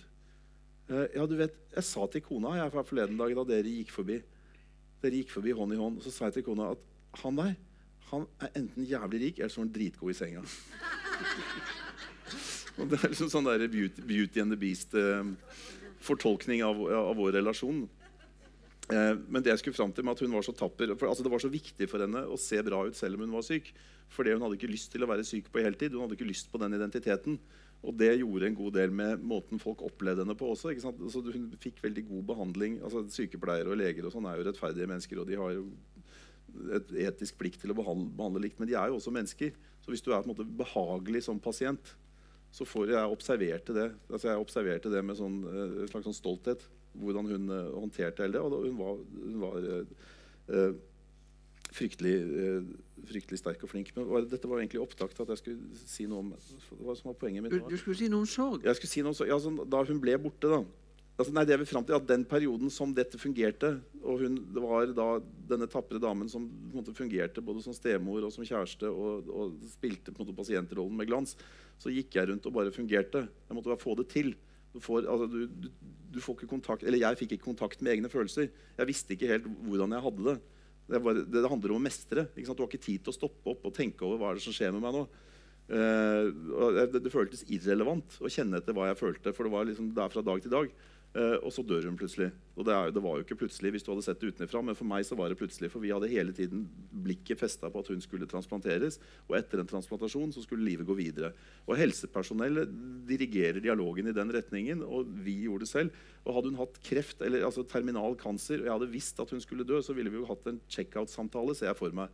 Altså det, det, må være det eneste naturlige at man da sitter, altså to stykker som elsker hverandre, sitter og snakker ordentlig om livet deres. Gud vet, jeg vet ikke hva, altså Det hadde vel kommet til oss på en eller annen måte, men nå var det jo ikke sånn. Vi hadde ikke den samtalen. Eh, og så dør hun, da. Eh, og så sitter Hvis vi nå går litt lenger fram i tid, det begynner å komme litt på avstand, og så begynner Frode å snakke om at jeg skal skrive om sorg i boka vår. Eh, og så furnerer han meg med oppdatert faglitteratur om sorg. Uh, og da fant jeg tre ting som jeg har lyst til å snakke om nå. som jeg skal prøve å holde på i evigheter. Men den ene tingen er at, eller en aspektet er dette med å balansere. De kaller det dual process theory. At du balanserer konfrontasjon med det vonde. Altså det er på en måte en freudiansk innsikt. Du skal ikke fortrenge så mye at det, at det forsvinner ned i underbevisstheten og blir en, en, en byrde som du bærer med deg. Eh, du skal konfrontere det, men du skal ikke drive bare med det. Du skal også se framover og tenke mestring og framover. Jeg forestiller meg at det kommer fra kognitiv psykologi. Liksom, liksom, du må gripe det her og nå og, og se framover. Du må klare den balansen. Og Samtidig skal du tørre å flykte, du skal tillate deg selv å flykte litt av og til. For Du kan ikke være i eh, i sorgen hele tiden, enten du nå jobber konstruktivt med den eller tilbakeskuende med den. Eh, og det andre eh, og, det, og, der var jo min konklusjon når jeg så tilbake på det etter noen år, at jeg har, jeg er en ganske åpen fyr. Jeg trodde også har ganske god adgang til mitt eget sjelsliv. sjelsliv. Altså, jeg er ikke en fyr som fortrenger veldig mye, men jeg har skjønt i ettertid at jeg har fortrengt ganske mye. Altså, jeg har ikke orket. Har ikke vært på graven så ofte som jeg skulle ønske at jeg var. Eller, og, og, og var jo også i et et nytt forhold innen året var omme. Uh, og det, også, altså, det, forholdet er, har Nå er jeg veldig forsiktig med jeg sier det, det kan bære helt galt av sted. Det har jo kvaliteter som gjør at jeg ville vært kjæreste med Astrid uansett. Men det hadde jo også et element av flukt når jeg møtte henne på det tidspunktet jeg gjorde. Fordi at uh, det ble en form for sånne smertestillende. Eh, det var det ene. Og det andre er for å gå litt inn i psykologisk teorien, altså var det to skoler som sto mot hverandre. og Jeg leste disse fagartiklene om det, og de er skrevet typisk sånn som fagartikler er. At du har liksom to hypoteser som beskrives som veldig sånn gjensidig utelukkende. Og da er det tilknytningsteori som sier at det fins bare noen få spesielle personer i livet ditt. Og de, når du mister dem, så, så er det ingenting som kan redde deg fra det som de kaller Nok er det jeg som ikke klarer engelsken. Utter loneliness. Altså dyp eksistensiell ensomhet eh, versus stressteori, som er at å miste noen er for jævlig, men det kan kompenseres. Den du mister, har hatt mange funksjoner. Så du kan hente støtte hos en terapeut, hos en bestevenn, hos barna dine, hos andre mennesker i nettverket. Og så er det på en måte de to litt sånn mot hverandre. Da. Enten så, altså, si det veldig banalt, enten så hjelper det at du, at du, har, at du er ressurssterk selv og har mange fine mennesker rundt deg, eller så hjelper det ikke, for utter loneliness den slipper du ikke unna. Uh, og jeg synes at Den motsetningen er litt overdrevet, men det er sånn som forskning ofte formidles. Men jeg tenker at det er viktige innsikter av begge to. For jeg har virkelig kjent på den følelsen av utter loneliness, og den er helt forferdelig. Det er kanskje En måte å uttrykke det på er å si at jeg har jo alltid visst at vi skal det er mulig at dette høres veldig rart ut, men jeg har alltid visst at vi skal dø alene. Men jeg har aldri følt det før. Plutselig ble det en sånn, helt sånn, der, en sånn emosjonell realitet. Tanken om at grunnleggende sett så er vi aleine her på jorda. Og en dag så ligger jeg syk og redd og skal dø. Og det, da handler det bare om meg. Og sånn har vi hver og en. av Det, det, er på en måte den utter loneliness-følelsen. Men samtidig så fikk jeg fantastisk mye hjelp fra omgivelsene mine. Det er en lang liste med mennesker. Og det, kanskje en av de viktigste og letteste å formidle poengene er at jeg har lyst til å skrive en pamflett om sorg en dag som skal hete 'Mindre blomster og mer mat'. For det var tre mennesker i, i min omgangskrets som visste det. Og de kom Eh, nå ser jeg en amerikansk venn av meg smile bak der. Amerikanere kommer jo med chicken soup når folk er syke. i hvert fall gjør de det på film. Men det var tre forskjellige mennesker som kom til meg med mat på døra. Eh, og, To av dem er leger. Kanskje det var derfor de visste det. Men, de kom ikke i egenskap av leger, de kom i egenskap av nære venner. Eh, og sa liksom, Å være i sorg minner om å være deprimert. Du blir apatisk og handlingslammet. Det blir tungt for deg bare å lage middag til ungene dine noen ganger. Og så hadde jeg, så jeg hadde tre deilige porsjoner med hjemmelaget fiskegrateng og tre porsjoner med chili con carne stående i fryseren som hjalp meg. Nei, ikke tre. Det blir uh, egentlig Ja, never mind. For vi spiste jo en med en gang. eh, og søstera mi, som er ti år eldre enn meg, kom flyvende fra Danmark med mannen sin og flytta inn i naboleiligheten som sto tom. for det, ja, det, og, og, bare tok vare på meg en uke. Eh, og jeg hadde Frode si når jeg ville. og og egentlig en serie mennesker. Og det, uten det så hadde det blitt veldig mye eh, veldig mye tyngre. Så nå har jeg da dratt gjennom dette med dual process. Og så har jeg dratt gjennom det med forholdet hva andre mennesker kan gjøre. Så den tredje tingen jeg hadde lyst til å si var at jeg begynte å lese meg opp på forholdet mellom psykisk helse og mosjon. Eh, og det gjorde inntrykk på meg. fordi at Frode jeg gikk jo lange turer sammen. i den der første vonde tiden. Jeg, dro, jeg, tok toget til Bergen, og så var vi sammen der. Og så gikk vi, gikk vi lange turer og snakket. og han var jo blitt forlatt av sin kone på det tidspunktet. Og jeg var i og for seg blitt forlatt av min kone også. Eh, og, så, og, så, går vi i fjellet sammen, og så trente jeg med han, han personlige treneren min. som jeg snakket om i sted. Han kom jo og gikk på ski med meg på sin egen tid rett etter at Julie døde. Og så ringte meg og sa at jeg kom og gå en skitur med deg. Som venn, ikke som, eh, som trener. Så det sier jo litt om, litt om hva slags type han er. Eh, men da begynte jeg å lese om forholdet mellom psykisk helse og mosjon. Og det gjorde et voldsomt inntrykk på meg. fordi at det er Altså, det er grunn, ingen grunn til at vi skal sitte her og ta en øl og prate. Vi burde være ute og bevege oss hele tida. Altså, det, altså, det, det, er ikke grenser for hva mosjon Nå snakker jeg ikke om hard trening, altså, men altså, mosjon og aktivitet, hva det er uh, gunstig for. Det var En av disse gutta som, som, som forsker på det, hadde en ganske artig formulering. Han sa det at hvis du kunne samle alle de positive effektene av mosjon i en pille, så hadde den blåst Viagra og alle andre suksesspiller rett av banen. Uh, ja. Så det, det, var de tre tingene som eh, Så jeg fikk masse sosial støtte. Jeg har ikke beherska helt dual process. Og jeg har ikke trent nok, men jeg har trent og beveget meg nok til at jeg har kjent på den, eh, den gode følelsen av det. Hvor er det vi skal nå, Frode? Jeg synes det, det er vanskelig å holde orden i dag. altså. Nei, vi, vi, er kommet innom de tingene vi skulle. Men, ja, nei, du, skulle, du, skulle, egentlig si noe om lykke. Ja, ja men det, kan vi, det kan vi, si litt om òg. Men eh, bare for, jeg har lyst til å knytte en liten kommentar til det med dual process-teori. Ja, for det har jo vært så mye teorier om liksom sånn sorg og hvordan folk reagerer på sorg. Helt siden man begynte med disse sorgteoriene for uh, eh, 40-50 år siden. Og I utgangspunktet tenkte man liksom at at alle gikk gjennom det samme sorgfasen. og så var det liksom benekting, og så var det liksom perioder hvor man tok inn, inn eh, sorgen, og så var det sånn bearbeiding og reorganisering eller reorientering. og sånne ting. Men så viser det seg at sorgen er mye mye mer individuell. altså Folk uh, sørger veldig forskjellig. Mens det som kanskje er en slags fellesnevner, det er den at, at alle på et eller annet vis bør eller skal innom liksom, selve sorgen og bearbeide det som har vært. Men samtidig så må man også mestre hverdagen. Alle de utfordringene som man må forholde seg til også. Så det der, den vekslingen er som en slags pendel. Sant? Noen ganger er man inne i sorgen og kjenner på det og bearbeider og sorterer og forholder seg til sorgen. Og så noen ganger er man mer her og nå og tenker fremover. og sånt. Og denne vekslingen vil være, være veldig individuell, hvor, hvor, ofte man veksler og hvordan man veksler. og sånt, men, men at alle sammen pendler litt frem og tilbake. Faren er jo at man stivner i sorgen. At man ikke liksom klarer å komme seg bort i hverdagen eller fremtiden. Eller at man bare i fremtiden og ikke egentlig orker å være for mye i sorgen. Sånn at Her er det liksom fallgruver på begge sidene, og det er denne vekslingen mellom de som er den sunne reaksjonen. Og Den kan folk uttrykke eller forholde seg til på ulike vis, men, men det skal være en sånn uh, veksling. Og du, du hadde jo mye av det. Ja, Det var jo fint å skrive bok, da. Ja, det òg er en måte å bearbeide og, og sortere og sånn. manet jeg jo fram bilder av Julie. Ja, ja. En, eh, en, ting som illustrerer det veldig godt, så skulle være det, det konstruktive. Så, vi hadde eller vi, har, har, vi hadde og har, har vaskehjelp. Og Julie ordna alltid med lønna og skatten hennes. Jeg har litt sånn skjemaskrekk. Men hun hadde en helt suveren omgang med sånt. Det kosta henne ingenting. Hun satt ned og skjønte skatteetaten sin og skjønte formelen for å regne ut når vi skulle lønne henne. Altså, hun, ja, hun, fikk netto og sånn. Altså, første liksom, runde etter at Julie var det, så måtte jeg gjøre det. Og da satte jeg meg ned og tenkte at dette må du mestre, Ben Sofus. Da gjorde jeg dette må du bare klare. Nå er du aleine. Og du er jo en presumptivt en smart fyr. Professor og doktorgrad og greier. Du skulle klare dette skjemaet her. Eh, så, og da kom jo bildet av henne når hun satt hun hadde, hun hadde, danset. Hun var så innmari rak i ryggen.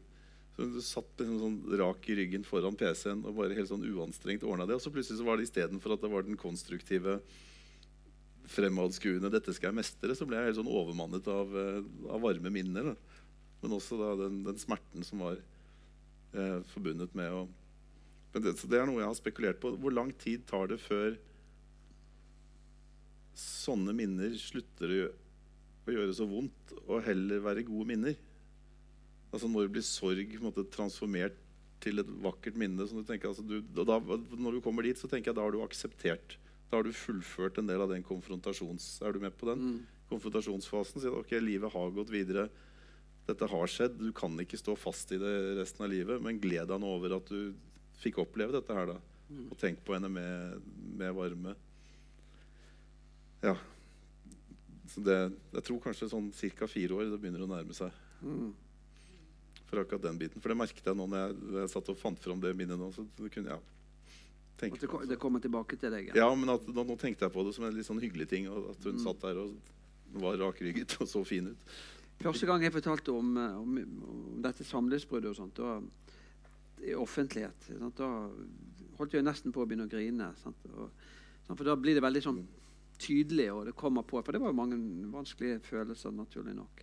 Men etter hvert som du har på en måte snakket gjennom det, eller i vårt tilfelle også skrevet om det, sånn, så, så er det jo noe å skyve det litt lenger bort. Sant? Altså at, ja. Det er det klart. Ja. OK, da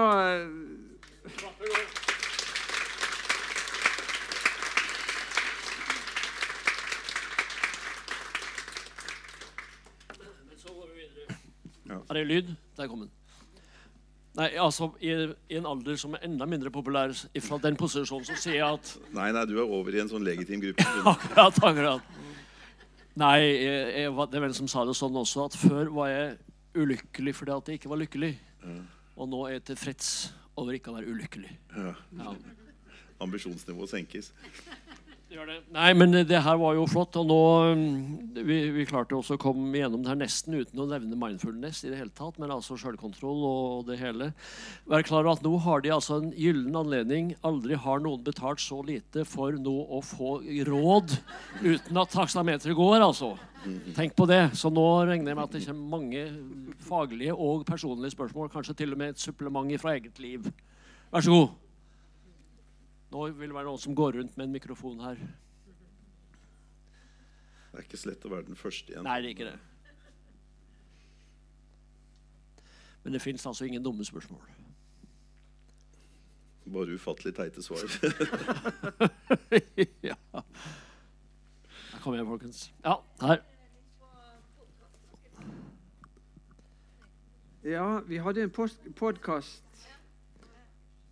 vi, vi, hadde en podkast altså Jeg har jo den spalten i Aftenposten, og så fikk vi mulighet til å lage en podkast. Og da eller jeg fikk muligheten til det, og da det, ville jeg gjerne ha Bent med. For vi, vi, har jo mye å snakke om. Eh, og eh, Så ja, det kom eh, en, en del sånne podkaster, men dessverre så stoppet de opp, da. Ja, så hvis du savner han, så gjør jeg det òg. så gjør jeg det òg. Ja. Vi savner den veldig, men altså, det er jo fordi at moderne mediebedrifter er jo under konstant reorganisering. Ja. Så vi hadde jo, og det var jo et format Nå har vi holdt på oss imellom med litt halting og, og sånn noen ganger, særlig fra min side. Men da hadde vi jo alltid Vi hadde tre, tre forskjellige kvinner på rundt 40 som var programlederen vår. Og det funka som bare det, syns vi selv. Det var, veldig, det var, veldig, fint med den kjønnsbalansen som det ble da, med at du kunne få et kvinnelig perspektiv. Så var det veldig godt å bli holdt orden på i studio. Men altså bare det at det var tre forskjellige fordelt på Og alle tre funka. Vi hadde god kjemi med alle tre. Men at vi hadde tre stykker i løpet av åtte episoder, sier jo litt om det indre livet i Aftenposten. Og til slutt så bare snubla de så mye i sine egne bein at de ikke klarte å lage den mer. Men hver gang vi snakker med hun som er redaktør der, så sier hun at hun gjerne vil fortsette. Men det, nei, de kutter og de reorganiserer og de fikser og de ordner. Men hvis det er noen her som driver med podkastproduksjon, så stiller vi opp, vi. altså. og det blir gjort et podkastopptak her i kveld, slik at hvis de vil kose dere med det her etterpå, så går det bare inn på nett nettsidene til Litteraturhuset og ser på det. Da var det en her. Nei, bak der. Jeg tenkte jeg skulle være først ute og fyre av gårde med et uh, rett på kjernen. Uh, hvis man uh, vurderer, eller hvis man ønsker eller tenker på å gå tilbake til sin ja, Kall det lost love, kall det hva man vil. hva er det viktig at man tenker på? Spør du meg? Hvem andre? Ja, altså Hvis du går, ønsker, eller tenker å gå tilbake til partneren din eller eksen eller noe sånt. Ja, Det er et godt spørsmål. og, og altså Det viktigste er jo da selvfølgelig å tenke gjennom uh, hva er det man kommer tilbake til. Altså Kommer man tilbake til det som man en gang forlot, så er jo det sjelden en god løsning. Men det må jo være å komme tilbake til noe som var forut for det som eh, kanskje førte til et brudd. Eller komme tilbake til noe nytt. Det som jeg av og til sier, da, er at noen ganger så skal det et samlivsbrudd til for å redde samlivet. Og det er noe med at man av og til må løse opp den rammen som er rundt samlivet, for å se hverandre, se seg selv og se den andre i et nytt lys. Og Da ser man kanskje også at her er det noe som, som er verdt å jobbe videre med. Eller her har vi noen muligheter som vi ikke klarte å utforske når vi levde sammen, og det ble veldig vanskelig og, og inneklemt. Og mange krevende følelser å håndtere. Altså. Så ja, man trenger å begynne å åpne en dialog på en ny måte og så prøve å gå inn i de sporene som, eller gå inn i de tingene som har vært vanskelig, på nye måter. Med et nytt perspektiv, og ikke gå inn i det der sporet hvor man begynner å spille hverandre dårlig. Så Hvis man gjentar, gjentar seg selv og, som individ og som par, så er man jo veldig fort tilbake igjen i det som var vanskelig. Så man må gå inn i det med nye, et nytt blikk og nye forsøk og nye tilnærminger. altså. David Bowie har en sang som heter 'Always Crashing in the Same Car'. Ja, ja. ja det er litt det samme. Ja. Som ville skremme meg. Ja, altså, nisse, altså, Vi har jo mange uttrykk for dette. Nisse, å ta med nissen på lasset. Altså at man aldri klarer å kvitte seg med det som, det som, var, eller det som har vært vanskelig. Så det krever litt sånn innsikt og investering fra begge parter. Kan jeg prøve meg på det selv om jeg ikke er sertifisert terapeut? Ja, herlig. Jeg har alltid sagt at du er en bedre terapeut enn de fleste. Ja. Frode oppfordra meg til å overta noen av hans overskuddspasienter. Men, nei, men bare, jeg kan spørre deg om det kunne vært et råd. For jeg ville ikke turt det som du antyder, uten at, at mannen eller kvinnen in question er At dere kan ha en god dialog om hva som gikk galt. Ja. Så, altså, hvis, det blir, altså, hvis, det er en sånn der, veldig emosjonell greie, og jeg lengter etter deg, jeg ønsker den bekreftelsen du ga meg, eller jeg ønsker den sexen vi hadde, eller at det sånn der, at, det, der, at det minner om å bli forelsket igjen uten at det er en litt mer Og nå snakker jeg egentlig mer som, sånn som jeg har lært av Frode, enn sånn som jeg er selv. For selv er jeg ganske lidenskapelig og temperamentsfull og mange, har gjort mange sånne tabber opp gjennom åra. Men skulle, min indre Frode sier at det er ganske viktig at dere får litt sånn at dere får en ordentlig dialog om liksom, hva slags dynamikk var det mellom oss. Hva var det dette gamle vi som er oppløst? Hva var det som var spenningen i det? Og hvis han typen ikke, eller kvinnen ikke vil snakke om det, og liksom, sånn, ikke gjør det så vanskelig og, sånn, så ville jeg blitt, vært mer pessimistisk enn hvis vedkommende er villig til en sånn. Nå er jeg, Ifølge Frode så er jeg sykelig opptatt av erotikk og kommunikasjon. Det, I hvert fall sammenlignet med han. Men, eh, men eh, Kommunikasjonsdelen ja, det, det var erotikk? Nei da, men, altså, men det er et viktig poeng. altså. Unnskyld, det er ikke meningen å lage kødd. Bare Det er så fristende å svinge litt ut. Men jeg, ja, nei, men jeg, jeg, jeg, mente veldig alvorlig det jeg sa fram til jeg kom fram til det med jeg forstår, Det kan hende at jeg er mer litt i overkant kommunikativ. Det fins sikkert gode måter å leve sammen på hvor man ikke snakker så mye. Ja. Kanskje ikke minst i, i Trøndelag, sånn, hvor det kanskje regnes som litt feminint å prate for mye. jeg vet ikke. Det er sånn, sånn er det i hvert fall på Hedmarken, hvor jeg jobber. Men et minimum av, liksom, av, forståelse av hva som gikk galt. At dere begge hadde en rolle i at det gikk galt. Og at dere begge har et ønske om at de rollene dere spilte da, skal dere ikke komme inn igjen i. Det hadde jeg ønsket meg. Stikkordet er liksom mønsteret er monsteret. Altså, mer enn å tenke at liksom, det var fordi du gjorde sånn eller du gjorde sånn. Men mer liksom, vi begynte å spille hverandre dårlig. og Hva var det som skjedde da? Og hvordan kan vi unngå å komme inn i det mønsteret igjen? Hvis begge parter går inn i en dialog om det, med både selvinnsikt og et ønske om å forandre seg, så er utsiktene gode. 10% av de som går fra hverandre eller som separerer seg, de finner tilbake igjen. Så det er jo statistisk sett ikke så ut, uh, usannsynlig. Og jeg er et eksempel på det. da. Og i år så ligger Norge på ni, så du må gjøre din plikt. ja. ja. Der har vi den. Jeg har et spørsmål om sorg. Eh, jeg vet ikke om jeg skal eh, fortelle hele historien, men eh, min datter før jul mista baby ei uke før fødsel. Og jeg som mor så jeg også føler at det er sorg pga. min datter.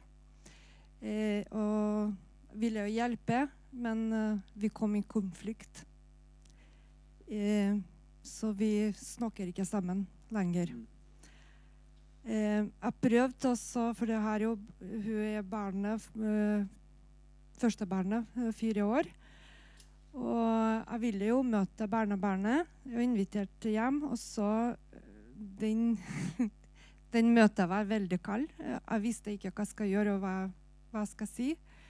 Så jeg beskyldt at jeg er kald og ikke empatisk, og at jeg ikke ville snakke. Men jeg, jeg vet ikke hva jeg skal si. Og så, jeg vil jo ha kontakt, men uh, hvis jeg tar kontakt f.eks. på Snapchat eller på Facebook, sånn på Messenger, så blir jeg beskyldt f.eks. hvis jeg spør hvordan går det Så får jeg jo sånn svar Ja, nå kom det på. Sant? Så hva jeg skal gjøre når jeg er en menneske i, i sorg, og så hvordan jeg skal ha kontakt med. Mm. Hvis jeg skal svare litt på det Og det, og det er jo et, det er ikke noe spørsmål som det er lett å svare på eller svare kort på, men, men det understreker vel først og fremst at, at din datter da har veldig veldig sterk sorg. Og når man har sterk sorg, så kommer man jo frem, eller kommer det jo ofte frem litt sånn irrasjonelle sider. At man reagerer på måter som kanskje man ikke ville gjort ellers. Altså det er den sårbarheten som, som, en sorg eller sterke livskriser medfører, som gjør at man da kan komme inn i et spor som blir veldig veldig vanskelig. Og, og også fordi at man fordi at man uh, håndterer sorgen så forskjellig. Man vet jo f.eks. uten sammenligning for øvrig, men så vet man at foreldre som mister barn, så er det halvparten de kommer tettere på hverandre gjennom smertene og gjennom det å forholde seg til en sånn fæl ting. Mens halvparten de går fra hverandre etter en tid. Fordi at man ikke klarer å overskride liksom, den ulike måten å håndtere det på. Og Det er ikke noen enkle løsninger, men, men det å i hvert fall prøve å få til en dialog hvor man kanskje søker hjelp. å få inn noen som kan hjelpe en til å bygge en bro over den mistilliten og den uh, ulikheten i måten å forstå det på, det er kanskje noen ganger nødvendig altså, for å, for å liksom, klare å komme inn på et spor hvor man klarer å møte hverandre i sår, sårbarheten istedenfor at man skyver hverandre bort. Det er det som av og til skjer når man blir veldig sårbar. At vi skyver bort de vi egentlig har behov for støtte fra. Jeg vet ikke om du har noen, noen ting Jeg vet ikke om det er uh, ja, Jeg vet ikke om det er riktig av meg å si det, men uh, jeg har også erfart i den sorgen jeg har vært i, at noen mennesker takler sorg ved å plassere ganske mye aggresjon på ett bestemt menneske. Uh, og det er man, min erfaring er at det er man ganske hjelpeløs overfor. Det er ikke så veldig konstruktivt, var derfor jeg lurte meg skulle si det. Men, at det, men du elsker vel presumptivt din datter, så da har du en annen sånn toleranseressurs å trekke på enn man har i nesten alle andre relasjoner. Og tenker at det rett og slett at det, dette, blir jo, dette blir jo amatørpsykologi, men jeg har heldigvis en sertifisert psykolog ved siden av som kan si fra hvis jeg sier noe gærent. Men altså det der at, at, at, at det er ikke uvanlig å håndtere blir et dårlig ord, men altså, mangel av bedre ord, da, håndtere sorg ved å bli veldig sint på noen. Det er et sted å gjøre av de vonde følelsene. Um, og da vet jeg ikke hva fag, fagmiljøet sier om hva, hva i helsike gjør man når man står overfor det. For det er, det er jo destruktivt, og det er urettferdig, og det gjør dritvondt for deg. Hvis det er det som er tilfellet her, da. Mm. Og, da men tiden er vel altså også altså Det du sa til meg når jeg var i en situasjon som minna litt en gang, var jo bare gi dem, gi, gi dem space. Tid, tid og rom.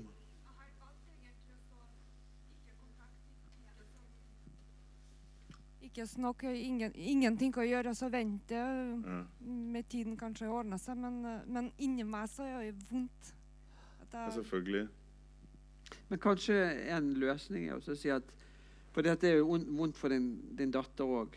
Si noe om at dette har skapt så vanskelige følelser mellom oss at kanskje vi trenger noen til å hjelpe oss til å snakke om det på en bedre måte enn det vi har klart på, på egen hånd. Jeg har tilbudt egentlig å samtale ja. med ja. psykolog f.eks. Ja. til stedet, men jeg har ikke hørt noe. Nei. Nei, og kanskje må gi, må gi, henne litt mer tid. altså. Men det, det, det, er et stort spørsmål, og jeg skal være veldig forsiktig med å liksom komme med noen enkle løsninger. her. Men Hva skjer hvis du sier jeg savner deg? Jo, jeg har ikke sagt direkte det, men jeg, jeg, sender jo melding og sier at jeg er glad i deg, og sånn. Mm. Men liksom mm. ingen respons. Nei. Ja, nei, det er jo forferdelig. Og, og, sorg er jo en situasjon som skaper helt ekstreme reaksjoner noen ganger. Sant? Og det er jo kanskje litt det du kjenner på. Mm. Ja.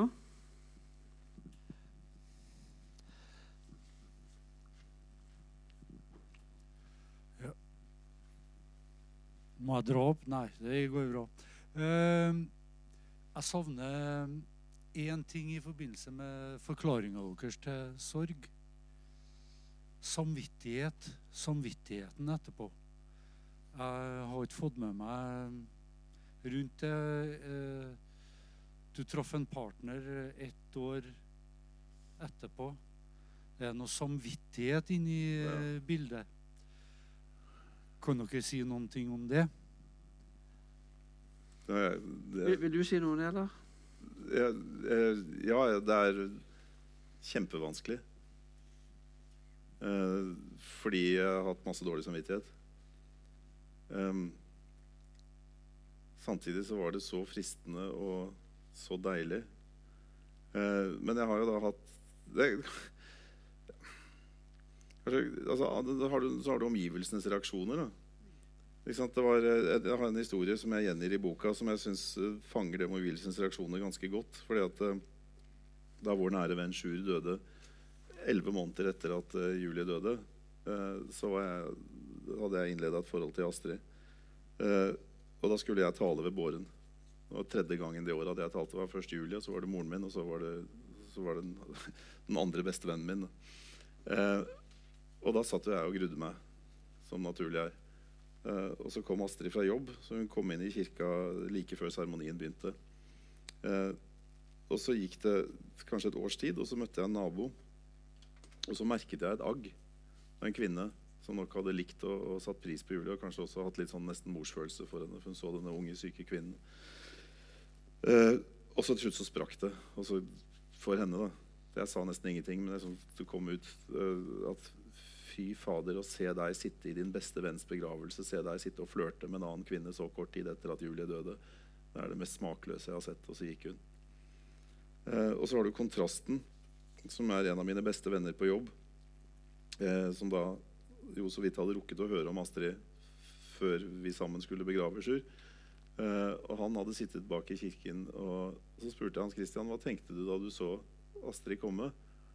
Og så sa han jeg så en vakker, voksen kvinne gå opp kirkegulvet, sette seg ned og ta vare på deg, og det føltes godt og riktig. Nøyaktig samme visuelle stimuli. De har sett nøyaktig det samme, mens den ene altså sier fy faen, det er smakløst at du sitter og flørter i kirka. Mens den andre sier 'Jeg så en kvinne som tok vare på deg', og det gjorde meg godt å se.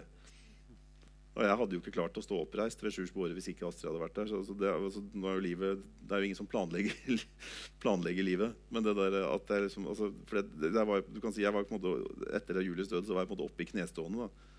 Og, så, og så blir bestevennen min eh, borte. Og hvis ikke det da hadde vært et menneske som holdt rundt meg, så vet jeg ikke da hadde det ikke hjulpet med mye grunnleggende lyst sinn. Hadde, det hadde blitt for mye.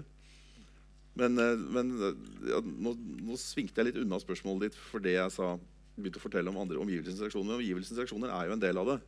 For det, altså, Hva handler om mine følelser, og hva handler om eh, eh, Kanskje jeg kan fortelle noe litt sånn vakkert om Astrid, som også var med og døde. For en morgen, eh, ganske kort etter at Astrid og jeg var begynt å, å, gjøre sånne ting som kjærester gjør med hverandre, så våknet jeg i hennes seng, og så eh, lå jeg og tenkte på Julie. Og så gjorde det veldig vondt. Uh, og jeg var liksom forvirra og tenkte hva faen er dette her? Åssen går det an å være i sorg og være forelsket på en gang? Åssen går det an å være liksom, knust og så føle begjær på en gang? Altså, det helvete som skjer, det var liksom for mye å prosessere. Uh, og så så Astrid på øynene mine at det var et eller annet som ikke var At jeg ikke var helt i laget. da og så spurte hun hva, det, hva jeg tenkte på. Lov, så sa jeg nøyaktig hva det var. Og så var det liksom noe med hennes reaksjon da som var så, liksom, klok og voksen. og Helt uten at hennes ego tok noe plass. hvis du skjønner. Og det var i hvert fall, gjorde det i hvert fall mye lettere å leve med. Altså Hun er jo en voksen dame. Hun har levd en stund. så Hun skjønte, hun, hun hadde liksom ikke noe problemer med altså Det var ikke noe sjalusi eller noe retrospektiv sjalusi. eller det var ikke noe sånne ting. Det var liksom bare at det er den du er nå, og det er den situasjonen du er i, og jeg vil ha deg likevel. Eller uansett. Det er heller ikke direkte svar på det med samvittighet, men det var, det var likevel noe som gjorde det mye lettere å leve med den dårlige samvittigheten at hun var som hun var i akkurat den situasjonen. Ja, ja. Masse. Mm? Å ja, ja. Det er så det sto etter. Og i forskjellige faser. Først dårlig samvittighet fordi jeg syntes jeg var for tidlig på. Og så eh, dårlig samvittighet fordi jeg skjønte at jeg hadde flykta. Eh, og så er det et eller annet som gjør veldig vondt med at Julie og jeg aldri hadde det jeg kaller en checkout-samtalen. Altså, det er så mange ting som jeg gjerne skulle ha og så er det jo, Hvis vi er brutalt ærlig, så er det jo, et forhold blir jo litt rart de siste årene når den andre er dødssyk. For da var jo jeg, det, og kanskje det er det, de, som, de som har vært veldig sånn støttende overfor meg, har sagt at du har, noen, du har ingen tid å miste, og lev, eh, lev livet ditt mens du er i live. og sånn. De det er de samme menneskene som har lagt vekt på at når du er i et forhold til en som er dødssyk, så vil jo de siste årene også være en sorgprosess. Er, var jo Julie fungerte som kjæreste. Hun døde i januar 2015. Så hadde jeg en sterk følelse av at hun var en kjæreste også liksom, i en fysisk forstand, i hvert fall til 2013. Men så var det jo veldig mye pleie. Men hun var jo fortsatt, altså fortsatt når jeg var på sykehuset, så så snakket hun med interesse om livet hjemme. Hun var fortsatt min beste venn. Som kunne, ja, nå blir det jævlig mange bestevenner. Ja. men det er litt sånn forskjellig type bestevenn. Men, som kunne gi meg liksom, altså være en god samtalepartner. La oss si at det var en konflikt mellom de to yngste guttene. da hvor jeg ikke helt visste hva jeg Så var hun fremdeles liksom den som sa kloke ting og konstruktive ting.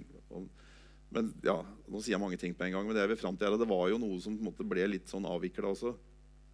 Og det var mange forskjellige typer følelser. Jeg var også jeg redd for ikke å strekke til når hun var sjuk. Det er liksom uendelig med krav. Det, hvis jeg får lov å fortelle, Vi hadde en jævlig samtale jeg, med en sånn der sosionom på sykehuset som fortalte meg hva som denne situasjonen krevde av meg. Og det var Eh, det var verre enn kravspekken som eh, NTNU gir sine ansatte. på alle målene de skal oppnå i løpet av et år. hvis dere har sett det. Nei, never mind. Men altså, det var ikke menneskelig overkommelig. Og hun satt bare og så på meg med et steinhardt blikk og sa jo, dette krever situasjonen av deg. Det var, det, det var, altså, det var knallhardt regime. og Jeg skjønner fortsatt ikke hvordan hun kunne si det. For det var ikke realistisk for meg å leve opp til alle de kravene. Og når jeg prøvde å, å snakke om det, så ville hun ikke høre på. Det var bare sånn Nei, du har en dødssyk kone. Du må klare sånn, sånn, sånn, sånn, sånn, sånn, sånn hele veien bortover. Så det, og det med, det påvirker også forholdet på en eller annen måte. Altså Når du blir så til de grader en som bare må fungere. Ja, det var, ja.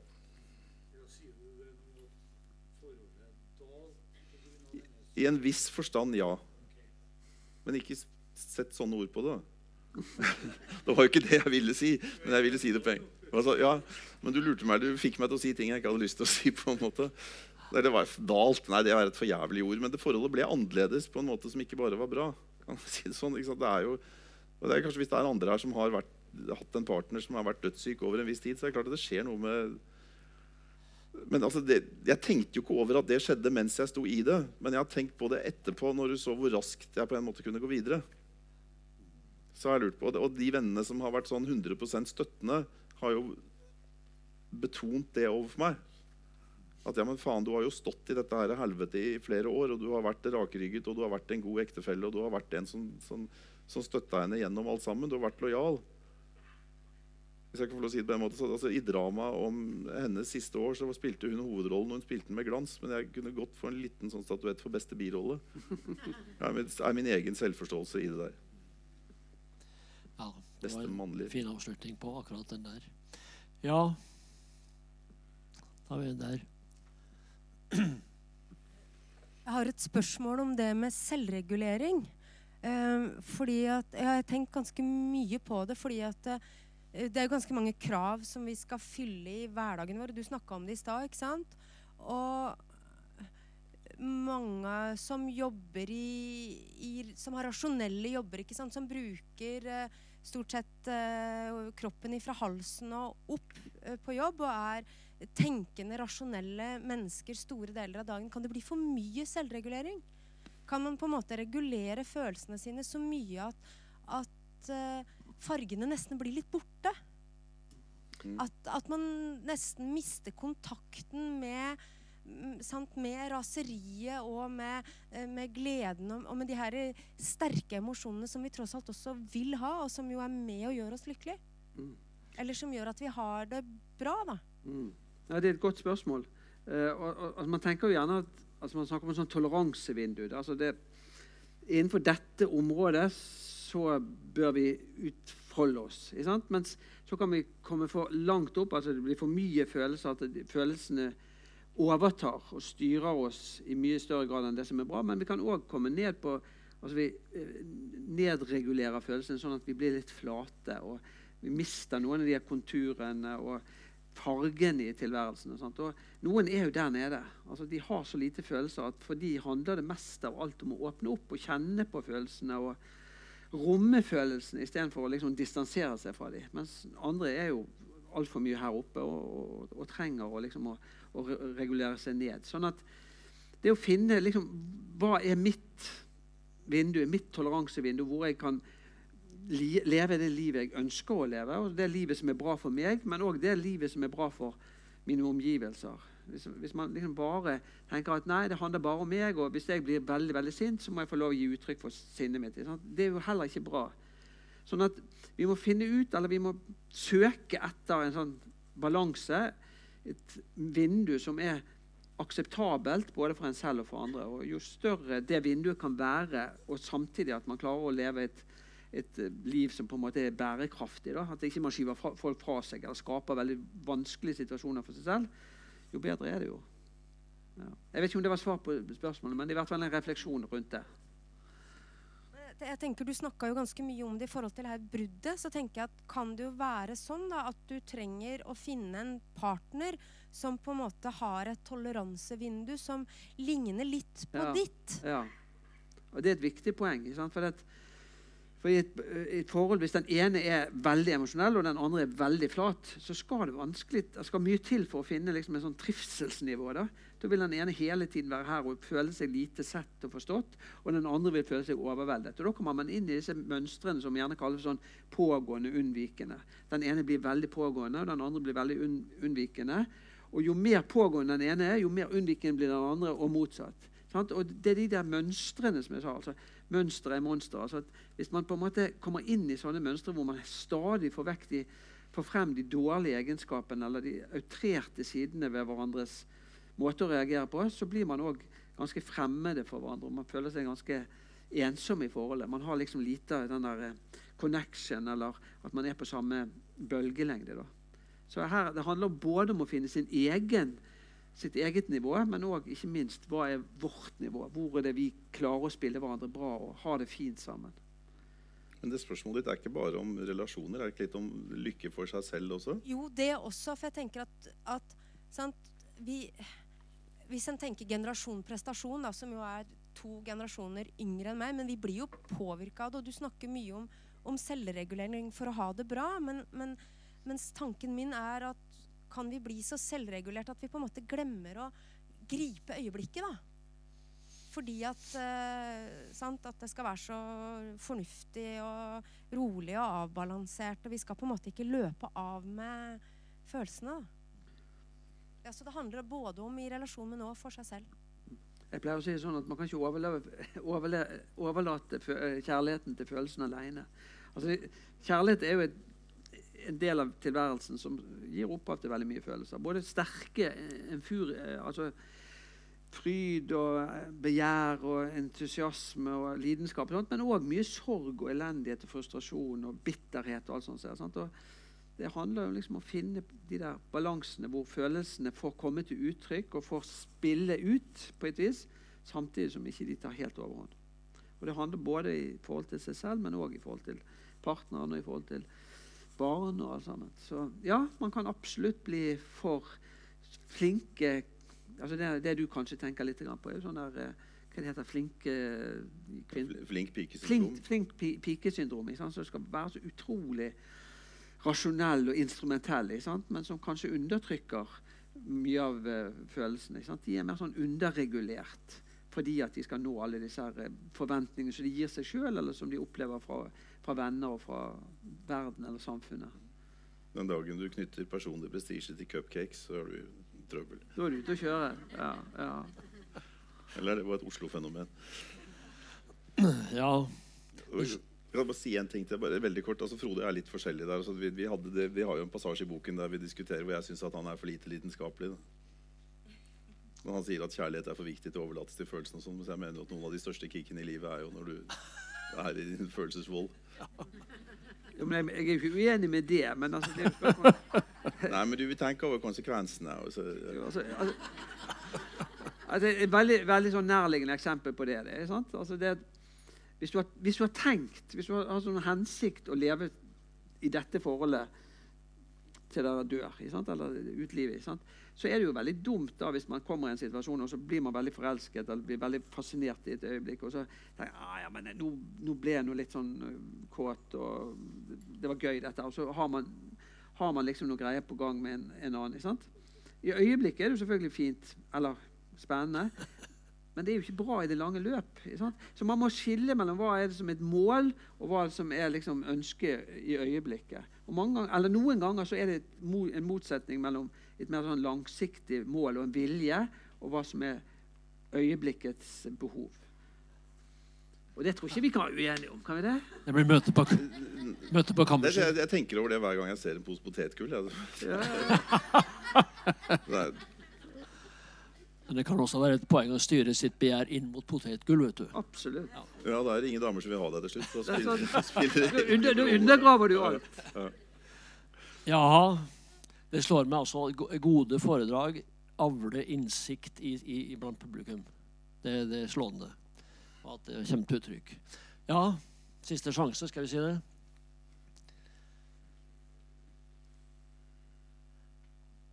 Fordi at jeg sa den også. Men der har vi en, iallfall. Ja, vær så god.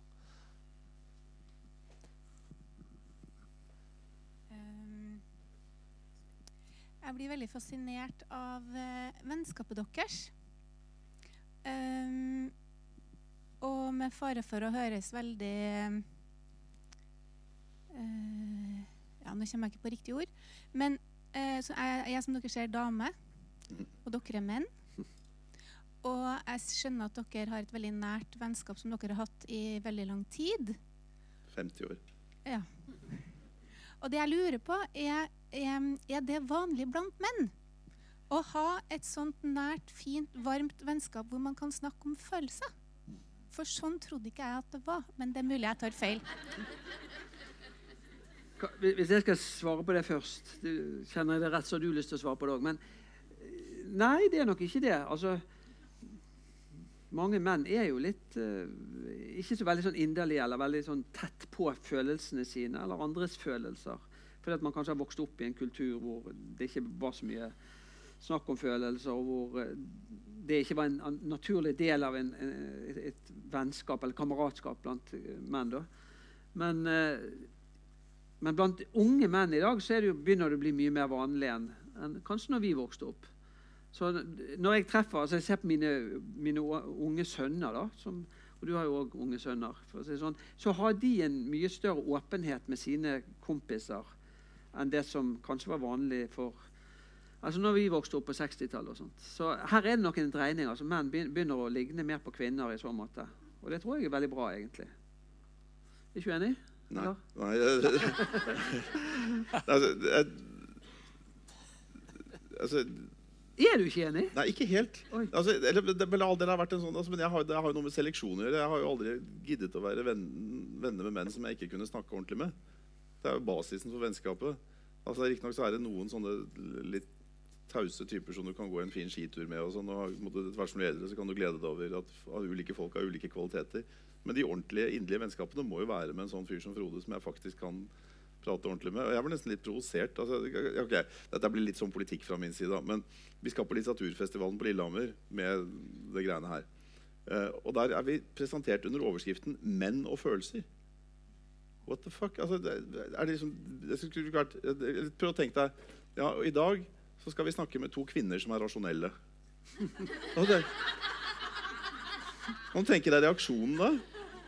For alle vet jo at kvinner bare er følelser. eller noe sånt. Altså, at- Nei, men altså, Nå blander jeg egentlig kortene litt. Jeg tror kanskje Frode empirisk har han sikkert rett. Han veit mer om dette her enn enn jeg og sånn, Men fall, jeg, jeg har av og til lurt på om det er en alternativ distinksjon. som er litt mer sånn, altså jeg er jo formet, altså Frode og jeg har jo formet hverandre, og vi har snakka om disse tingene. Vi har, vi har, av en eller annen merkelig måte så har vi rota oss fram til å snakke om si, psykologiserende tema. Siden vi var en 12-13 år gamle, så har vi holdt på med det. Eh, men jeg er utdanna på SV-fakultetet ved Universitetet i Oslo. Og det er på en måte Norges største skravleklasseprodusent. Altså, folk snakker jo hele tida sånn. Det syns jeg er kanskje den største forskjellen var by-land. Så hvis du kommer fra et akademisk middelklassehjem, sånn som jeg gjør, så er det ganske naturlig å bruke mye ord og også sette ord på følelser. Eh, mens av, mens Jeg tulla litt med det med Hedmarken, men det var jo ikke bare en spøk. for Jeg jobber jo på Hedmarken, og der er det noen normer om hva du sier og ikke sier. Og så kan du dra opp i Østerdalen, hvor det er gamle kommunister. De er helt frittalende igjen. Og hvis du er rundt på flatbygdene rundt, eh, rundt Hamar og sånn, så er det jo det er, jo, det er så restriktivt. at eller en gang jeg satt i en drosje i, i Tromsø. min første kone, som for øvrig var vesentlig mindre kommunikativ enn jeg er, var borte veldig lenge, så jeg ble sittende med han drosjesjåføren. Så prata vi, og så prata vi litt til, og så vi litt til. Og så tenkte jeg herregud, fyren setter jo ingen grenser ned for meg. Han reagerer ikke på min væremåte i det hele tatt. Jeg har lyst til å flytte til Tromsø. For altså, Hans grense for hva som var privat, og, og sånn, den gikk jo her inne. ikke sant? Sånn jeg er jo vant til å bli sanksjonert av omgivelsene fordi jeg sier ting som altså, too much information og, og sånn. og mye sånn. Men det har ikke, det har ikke, det har ikke hindret meg så veldig. Men så merket jeg at en hel by, da fikk jeg inntrykk at det var en hel by full av folk som hadde ja, så Jeg prøver å nyansere bildet litt. da. Så egentlig Min påstand er det at du har regionale forskjeller i Norge, og at Tromsø er et paradis. Nordens paradis. Nordens Paris, til og med. ja. Vel. Skal vi kanskje avrunde der, da? Og så Jeg tror faktisk jeg lever opp til noe Jeg, jeg venter til en ny vane, og det å klemme på foredragsholderne. Ja, mange takk for uh,